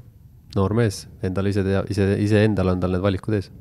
Kristas Schmitz tuleb mul meelde siit äh, Lätist siis, kes meil on vist Grade kakskümmend neli meistriliigas hetkel kõige suurem punktitooja või vähemalt üks, üks suurematest. tema ju on omaealiste seas tulnud äh, kas Euroopa meistriks, igatahes mingisuguse suurtiitli ta on äh, võitnud ja ega temal ka pikkust väga palju ei ole, et rannas on vist küll võimalik nii, et kui sul on ikka konkreetne plokimängija, siis teine mängija võib olla alla saja üheksakümne, aga ta peab lihtsalt olema ilmselt ikkagi päris võimas, et maailma tipus läbi jaa, aga temal on nagu, kui me seda õlga näeme, siis, siis sellest lühikesest ja väga-väga üliagressiivsest mehest, noh, sealt tuleb ikka nagu, sealt tuleb ikka korralik nagu laks ka, et et see on nagu väike sihuke erinevus, võib-olla isegi osavuse mõttes võib-olla ja ploki nägemine võib-olla ei olegi nii hea, aga, aga kuna ta on ise niivõrd agressiivne ja, ja tegelikult äh, ka see, see õlg on väga-väga tugev ja, ja kiire, siis, siis ta teatud asjad sellega kompenseerib aga meie läheme edasi, top viis, kaks tuhat kakssada üheksakümmend seitse lugejat, Selveri endine juht, jutt käib siis Oliver Lällist, ütles järgneva lause. kunagi olid kohaliku liiga korvpallurite palgad võrkpalluritest oluliselt paremad, aga enam see nii ei ole. nii et Rene, ma saan aru, et seis on hea, tasus Eestisse tagasi tulla. nojah, eks, eks neid jutte ja kunagisi ju Tartu Rocki palkasid või, või Tallinna Kalev Kalevi palgad ja nii edasi, eks nad vist olid eriti seal krooni ajal päris, päris vägevad tõesti, et äh, sellel ajal jah, võrkpall. Äh, kas see oli kuskil sada tuhat krooni kuus võis olla korvpalluritel, midagi sellist? jah, jah, täitsa reaalne jah, isegi võib-olla rohkem. Need välismängijad, kes siin käisid, päris häid nimesid on ju, samamoodi Tanoka Pöörd Tartus ja nii edasi, et me keegi ei tea ilmselt, palju need mehed tegelikult teenisid, on ju. et siis, siis see raha jagamine käis natuke ilmselt teistmoodi ka ja sai natuke vabamalt neid asju teha, et ja ütleme ka selle ära, et Eesti keskmine palk oli oluliselt madalam, kui ta tänasel päeval on veel. jah et.... raha vääring oli hoopis teine see aeg, jah et, et kas tasus nagu Eestisse tagasi tulla, noh, see on, ma saan aru, naljaga öeldud, et, et aga jah, noh, välismaal selles mõttes endiselt teatud kohtades makstakse rohkem ja nii see jääb ja olema saabki, et aga, aga ma arvan, et otseselt nurisemiseks ka täna põhjust pole aga et mäletate neid aegu, sa oled ju ise Renega Tartus mänginud, kas äh, oli seda tollel hetkel seda teadlikkust, äh, ütleme siis natuke vähem kui kümme aastat tagasi, et kuidas need palgavahed just korvpalluritega võrreldes on, kas sellest räägiti omavahel? Tõesti räägitud omavahel võib-olla nii aktuaalselt, aga, aga mingisugused äh, aimdused tõesti olid, et äh, noh, siis jah, arvestades oma toonast sissetulekut ja võrreldes, ma ei tea, Taltsi, kes samal ajal Tartus mängis ja veel. Äh, Talts käis tegus... korra õhtul poes, oli sama, mis sul oli no, kuupalk. jaa, ilmselt küll, et, et mingeid asju sa nagu teadsid, noh, eeldasid, aga noh, puhast tõde kui sellist, noh, sa ei tea, et samamoodi Graamo me keegi ei tea ju, palju seal tegelikult mehed. ei no selles mõttes seal mingid jutte käisid, on ju, umbes mingitest summadest, aga, aga keegi nüüd kindlasti ei võtnud seda, et oi, et miks neile nii palju ja miks meile nii vähe, et see see asi ei ole nagu, ma arvan, käinud juurde, seal on lihtsalt äh, natukene vist on noh, mida on räägitud, on see just, et kas, kas see tase, mis või noh, ütleme see, mida neile makstakse, et kas nad välismaal nagu seda saaksid. Et seda oli noh, teatud seltskondades lihtsalt nagu võib-olla saunaõhtutel räägiti võib-olla, et, et need mehed saavad väga kõvat raha, aga kas nad teeniksid ka välismaal nii palju, selles nagu väga paljud ei olnud kindlad, et, et see turg oli siin võib-olla natukene sihuke liiga lihtne neile ja ka selle tõttu ma arvan, et see tase langes ka pärast. Aga mul tuleb siinkohal meelde, et ega ju ka võrkpallis on meil välismaalastele makstud päris suuri summasid, kuskil kümmekond aastat tagasi, mul kahjuks enam ei tule see Soome sidemängija nimi meelde, kes Andres äkki mind aitab, kes tuli mm. Tartusse mängima. Petteri Laurile. just tema ju äh, teenis ka ikkagi rekordilised mingid summad, ma mäletan, oli, oli artikkel lausa toona. jah, oli, aga need on vaata nüüd siuksed üksikud näited tõenäoliselt, et see mees sai, on ju, aga ülejäänud mehed, ma arvan, et väga palju. selle võrra said vähem äkki? Jah, et seal, ma arvan, et sellel aastal oli ka päris piisavalt palju seal mingeid nooremaid mehi ja, ja eks. Äh, no eks klubijuhid ise olid ka kindlasti rohelisemad, kui nad täna on, ma arvan, et Jõesaares nii palju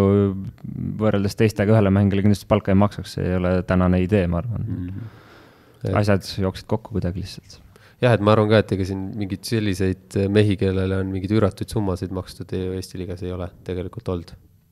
kes täna kõige rohkem Eesti liigas teenib siis mängijatest? Aare, mis sa arvad, paneme Aarele siia küsimuse kohe. Kes teenib Eesti mängijatest? mul oli siin. kellele sina maksaks kõige rohkem, ma küsin nii mina maksaks, oota, ma pean hakkama nüüd raha, oma raha jagama või? jah, aga mitte oma raha. ei, ei, ma ei, ma ei oska seda isegi pakkuda, mul oli siin üleeile istumine ühe endise mängijaga, kes väidab, et on mängija olnud kuskilt vist statistikast on isegi läbi käinud, et on olnud. kas Esna on perekonnanimi? noh, jah, sa oled üsna lähedal, oled seal mm. -hmm. ja, ja siis ma natuke, ma küsisin ta käest, et noh, tegelikult see rahaasjades soramine, mulle see jubedalt ei meeldi, sest on, on, on olemas selline, kuidas ma ütlen vaata, need slaavlased on sellised, kui sa saad esimest päeva kokku, esimesed minutid oled koos, ütled tere ja kus sa oled ja siis teine küsimus on kohe, et palju sa palka saad, eks ole. mulle, mulle jubedalt ei meeldi need, aga ma tahtsin nagu sellist natuke nagu teada, et mis siis nagu on või kus, et äh, seoses ka võib-olla eelmine, üle-eelmise saatega, kui neid võistkondi siin kokku pandi ja tehti. Nad olid head võistkonnad ka. noh, kindlasti olid jah, noh, see on muidugi nende arvates. aga, aga ma nagu ei saanudki nagu sihukest väga teada ja, ja, ja, ja kuidagi võib-olla ma olen ise kuidagi ära rikutud. et äh, ma olen tähele pannud, et, äh, et, et kuidagi ma olen ise ära rikutud, et äh, noh, jah, nii ta on, et ma ei, kui ma arvan, et kui keegi saab näiteks vähem, kui, kui mina olen seal kunagi midagi teeninud, siis kui ta üldse hakkama saab, eks ju, noh, kui saab rohkem, siis noh, järelikult ta on võib-olla koolis käinud rohkem või midagi aga ma ei oska tõesti seda pakkuda midagi. mina, mina võiks pakkuda küll, aga ma ei tea, kas Andres, tahad sa proovida sinna selle, selle küsimuse lõpetuseks veel? Pakkuda, kes see võiks olla. kes võiks olla mm? -hmm. on ta näiteks, võib ta olla siin ruumis hetkel? mina või, aitäh mina ütlen, mina rannavõrkpalliga ei teeni veel, ma maksan peale. ei, ma ei tea. ma arvan, me Ei. jätame, jätame selle siia kohta. aga ma ei- selles mõttes ma näiteks arvan, et äh, mõni välismaalane võib ka isegi päris palju, sellepärast et et päris tihti kiputakse rääkima ainult palgast, aga, aga välismaalastele läheb juurde Korter. korter, mingid äh, lennupiletid mm, -hmm. et ta on kulukam kokkuvõttes. jah, üleminekutasud, mis kõik siuksed asjad, et ähm, ma arvan, et äh, jah, siin, siin on siuksed, siukseid äh, võib-olla natukene kuhugi ära peidetud kulusid ka nende välismaalastega just, et äh, kus võib-olla palk ei tundu nii suur, aga kokkuvõttes, kui sa paned selle nii-öelda eelarve sellele mängijale, siis, siis see kuidagi miskipärast kipub päris palju kõrgemaks minema. kas Haabakuskil ongi ainult see palk, ongi see korter ja, ja auto või, või talle isegi makstakse midagi selle eest, et ta seal nurgas on? makstakse ka midagi, ka midagi, jah, selge. neljas koht, kaks tuhat kolmsada kakskümmend kuus lugejat, Robert Täht, pidasime pärast viimast mängu peatreeneriga maha tulise vestluse, jutt käib siis eh, Perugia võistkonnast, kus ta eelmisel hooajal mängis ja Vital Hainenist, kuulsast treenerist, kellega vist oli päris huvitav eh, hooaeg eh, Robertil, nagu ta on ise öelnud, Rene, millised on sinu kogemused, teadmised seoses Haineniga, päris omamoodi tüüp, aga samas juhendab maailma tippklubisid ja ka koondisi. jah, kindlasti väga omapärane tüüp. naljamees, ma tean seda juba omast käest. Enda arust kindlasti on jah, aga, aga tõesti sihuke, sihuke natukene sihuke rapsiv ja sihuke plähmerdav ja selline jutukas kogu aeg ja, ja noh, kindlasti jõhker taktik ja, ja ta elab ja hingab samamoodi seda võrkpalli ja, ja, ja noh, ülim professionaal kindlasti. aga, aga võib-olla teatud äh, mängijatele, mängijatüüpidele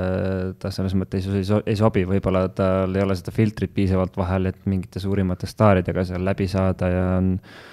on neid äh, probleeme ja asju temaga kindlasti ka, et äh, noh, väga-väga selline omapärane mees, et äh, et ma usun, et ta on niisugune treener, et kuni on tulemus, neelatakse need asjad alla, kui tulemus hakkab streikima, siis on tal kiire minek ka, et äh, ma ei, ma ei kujuta ette, et Poolas ta selles mõttes ilmselt endiselt veel on äh, suhteliselt jumala seisuses, aga kui nüüd peaks üks suvi ikkagi aia taha minema, siis eks tal on ka kiire nägemist, ma arvan, et äh, need, need mehed seal, Poola võrkpall on nii suur, et nad ei, kaks korda ei, ei pea mõtlema, pluss tänaseks neil on Leon ja, ja kui olümpialt, mis loodetavasti ikkagi toimub järgmisel suvel, kui sealt ei tule vähemalt finaali kohta, siis ma arvan, et tal on, tal on nägemist, aga samas ta on äh, ka väga niisugune tark vend, et äh, ju ta siis ise, ise loobuks, kui seda kulda ei tule sealt, ma arvan. Läheme edasi ja me jõuame siis oma poodiumini, kolmas koht, kaks tuhat nelisada seitsekümmend üheksa lugejat, avalik spionaaž, Jelgava sidemängija läks äh, pärnakatega punktivõitu tähistama. seda videot me kõik mäletame. päris huvitav olukord oli, kus siis äh, Osolins läks võrgu alt läbi, sedasi kaitsepalli üritas veel mängida ja jõudis siis nii kaugele, et täpselt sel hetkel, kui tema oli seal Pärnu väljaku poolel juba, Pärnu mehed lõid, lõid käed kokku ja, ja tegid sellise suure grupi kalli. Lihtsalt selline huvitav seik ka. Ja selliseid asju peab olema minu arust, täpselt samamoodi nagu Alar Rikberg mängis ühes olukorras ise palli Raido asemel kaitses üles, et sellised asjad nagu toovad sellesse võrkpalli ellu natukene, natuke midagi teistsugust juurde. no tal oli hea minna ka vist, ma arvan, et seal oli mõni teine lätlane ka või? jaa, oli küll, eelmine ma hooaeg arvan, et kui seal oleks ainult eestlased olnud, siis ta ei oleks sinna läinud, et ähm, aga seal pigem võtsid hästi vastu minu arust, kas Kokk oli seal see Brasiilia tempomees, kes kohe võttis ümbert kinni ja ja ei, selles mõttes, et kui, kui mängus ei ole väga võib-olla mingit tulisust ka ja keegi saavad naljast nagu aru ka, siis, siis niisugused seigad nagu jah, pigem, pigem liidavad inimesi ja võib-olla on pärast tore naerda, et äh, ei muidugi. nii, läheme edasi, teine koht. Ja see räägib siis meile Viljandi võrkpalliklubist ja Tauno Lipust, Viljandi võrkpalli elule või võrkpallile uut elu sisse puhuv Tauno Lipp ütles siis järgnevat, et tahan jõuda maailma tippklubide või rahvuskoondiste juurde millal ta siis jõuab, on küsimus. Rene, sina jälle tead neid asju, kas ühel eestlasel jõuda treenerina välismaale tippklubisse, on see, on see sisust nagu välistatud asi või, või neid asju ikkagi võib juhtuda, arvestades, et Tauno ise ei ole tipptasemel välismaal kuskil mänginud, et ta sellepärast peaks kellelegi silma jääma? kindlasti ei ole välistatud, see on äh, natuke kamarajura, võib-olla tõesti jah, ütleme sinna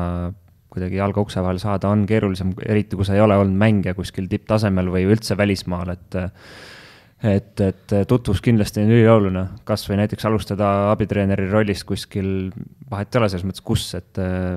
ega inimesed ju ümberringi ei ole lollid, talenti märgatakse ja, ja kui sa oled ikkagi asjalik vend, siis jutud lähevad väga kiiresti liikvele ja selline tõus võib väga kiire, ütleme, tulla, et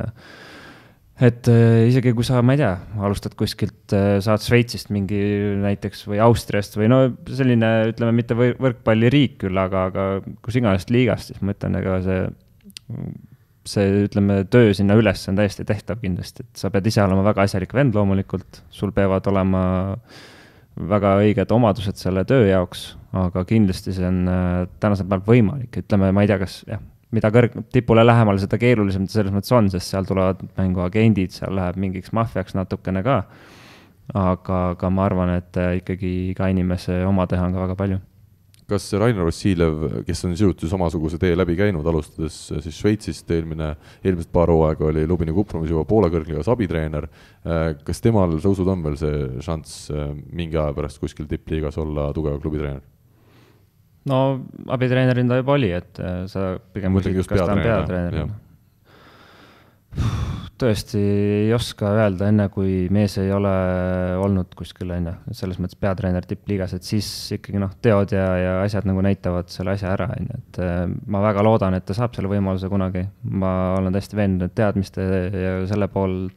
poole taha nagu ta kindlasti nagu ei jää, et talle meeldib asjadega kursis olla ja, ja Poola liigaga läbi selle abitreeneri rolli ta on väga hästi kursis, et äh, väga põnev oleks jälgida tõesti, kuidas ta, kuidas ta saab hakkama olukorras, kus äh, ka väiksemates klubides, Poola mõistes näiteks, on äh, ikkagi meeskonnas teatud mehed, kes on enda arust päris kõvad kutid ja, ja staarid, et kuidas ta nagu selliste karakterite vahel hakkama saaks. ja kus tulemust nõutakse, ütleme, tagumise otsa näiteks satsi puhul mitte küll, ütleme, mingit play-off'i pääset või võitu, aga, aga ikkagi kas või püsimajäämist, et seal võitlusi on erinevaid klubidel. Viljandi võrkpalliklubist võime ka paar sõna rääkida, kuna Tauno on öelnud, et ikkagi äh, see on selline pikem projekt, kus lõpuks tahetakse meistriliigas mängida kas see projekt läheb läbi ja, ja jõutakse meistriliigasse, Andres, kuidas sulle tundub? Äh, kindlasti Viljandil, mis on, on, tuleb kindlasti see noortesüsteem seal uuesti nagu käima saada, et tüdrukutel vist on seal rohkem ja, ja, ja tuleb, tuleb piisavalt kogu aeg mingeid äh, sellist tulemusi. et selliste väikeste kohtadega ikkagi on see, et, äh, et kui sa isegi meelitad sinna mingeid noh, ütleme vanu kalu või ütleme niimoodi, siis, siis teatud ports peaks tulema ka noori Äh, peale, et ei ole mitte niimoodi, et noh, võib-olla, et ainult rahaga suudad kõik sinna Viljandisse meelitada. et sellist raha, ma arvan, et nad sinna kokku ei saa. et äh, see peab olema jah, tõenäoliselt niisugune kindlasti nelja-viie aasta projekt, kus loomulikku teed pidi läheb see? Äh, jaa, et, et seda nagu üle forsseerida, noh, pigem siis see lõpeb niisuguse Järvamaa stiilis paariaastase mängimise ja, ja mingite võib-olla ka võlgadega, et et see on, see on niisugune osa, kus peab nagu laskma või noh, ütleme, et sa ei saa, sa ei saa üle forsseerida. ja ma muidugi nüüd, ma ei ole, ma ei ole üldse kursis, mis nad seal esiliigas teevad, et, et nad küll tegid niisuguse, niisuguse huvitava võistkonna, aga aga, aga ma nüüd ei ole kursis jah, mis. Nad on kuskil keskel praegu minu arust. et jah, ma arvan, et algne see hurraa on hästi-hästi suur, et sealt tuleb kindlasti mingeid tagasilööke, aga aga loodetavasti siis need tagasilöögid ei ole nii suured, et tõmbaks nagu moti maha, et et seal on vaja niisugust vähe niisugust visa ja pikemaajalist tööd, et, et see asi käima saada, et see, see niisuguse kiire ja, ja suure entusiasmi pealt või niisuguse tuhhi pealt see asi käima ei lähe, et see on selge aga nüüd siis äh, aasta kõige loetum artikkel ja, ja siin ei tule ka põhjust kaugelt otsida, kuna tegu on otseülekandega, siis see on väga loomulik äh, asjade käik, neli tuhat viissada kakskümmend seitse lugejat või võib siis öelda vaatajat, äh, otsepilt, Eesti võrkpalli suur euromäng, kas uued tuuled viivad saarlased veerandfinaali, see oli siis see Almeriaga kohtumine kevade paiku. Ja, ja saarlased selle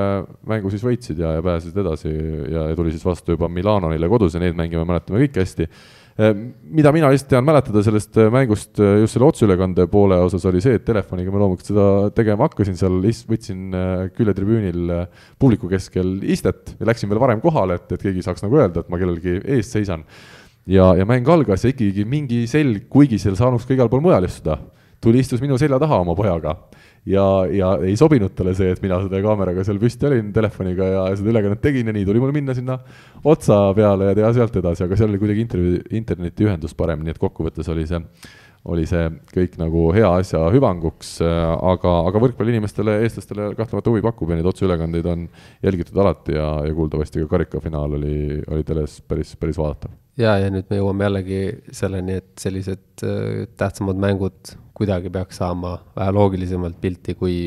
kui, kui sinu telefoniga või, või kellegi teise kus kunagi ei tea, kas see toimib, see internet seal Just, ja, ja mil moel. või jah, mingite nurkade all kas või seesama äh, Äh, nüüd siis Ukrainas toimuv äh, mäng, et tegelikult olgem ausad, ega